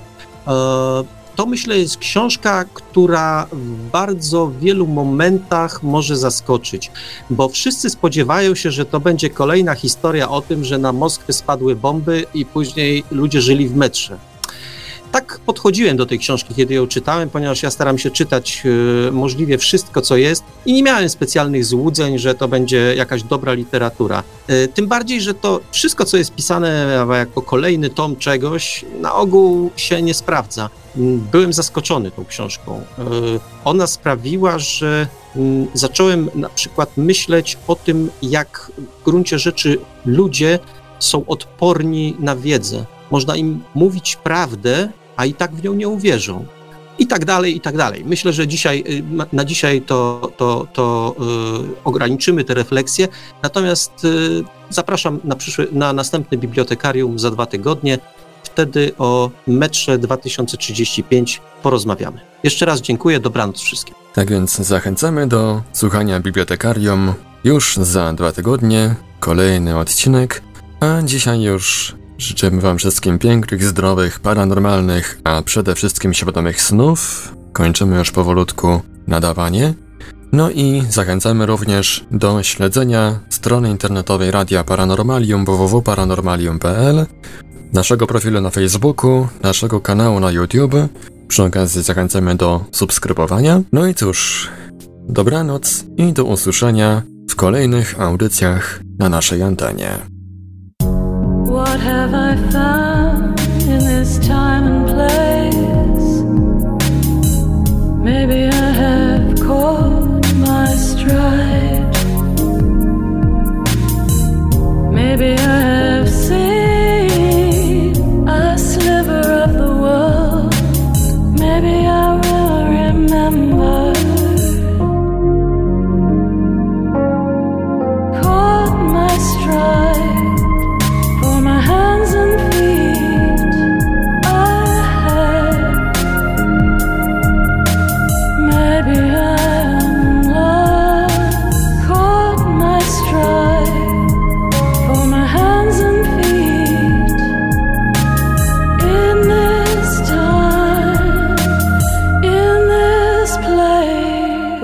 have I found?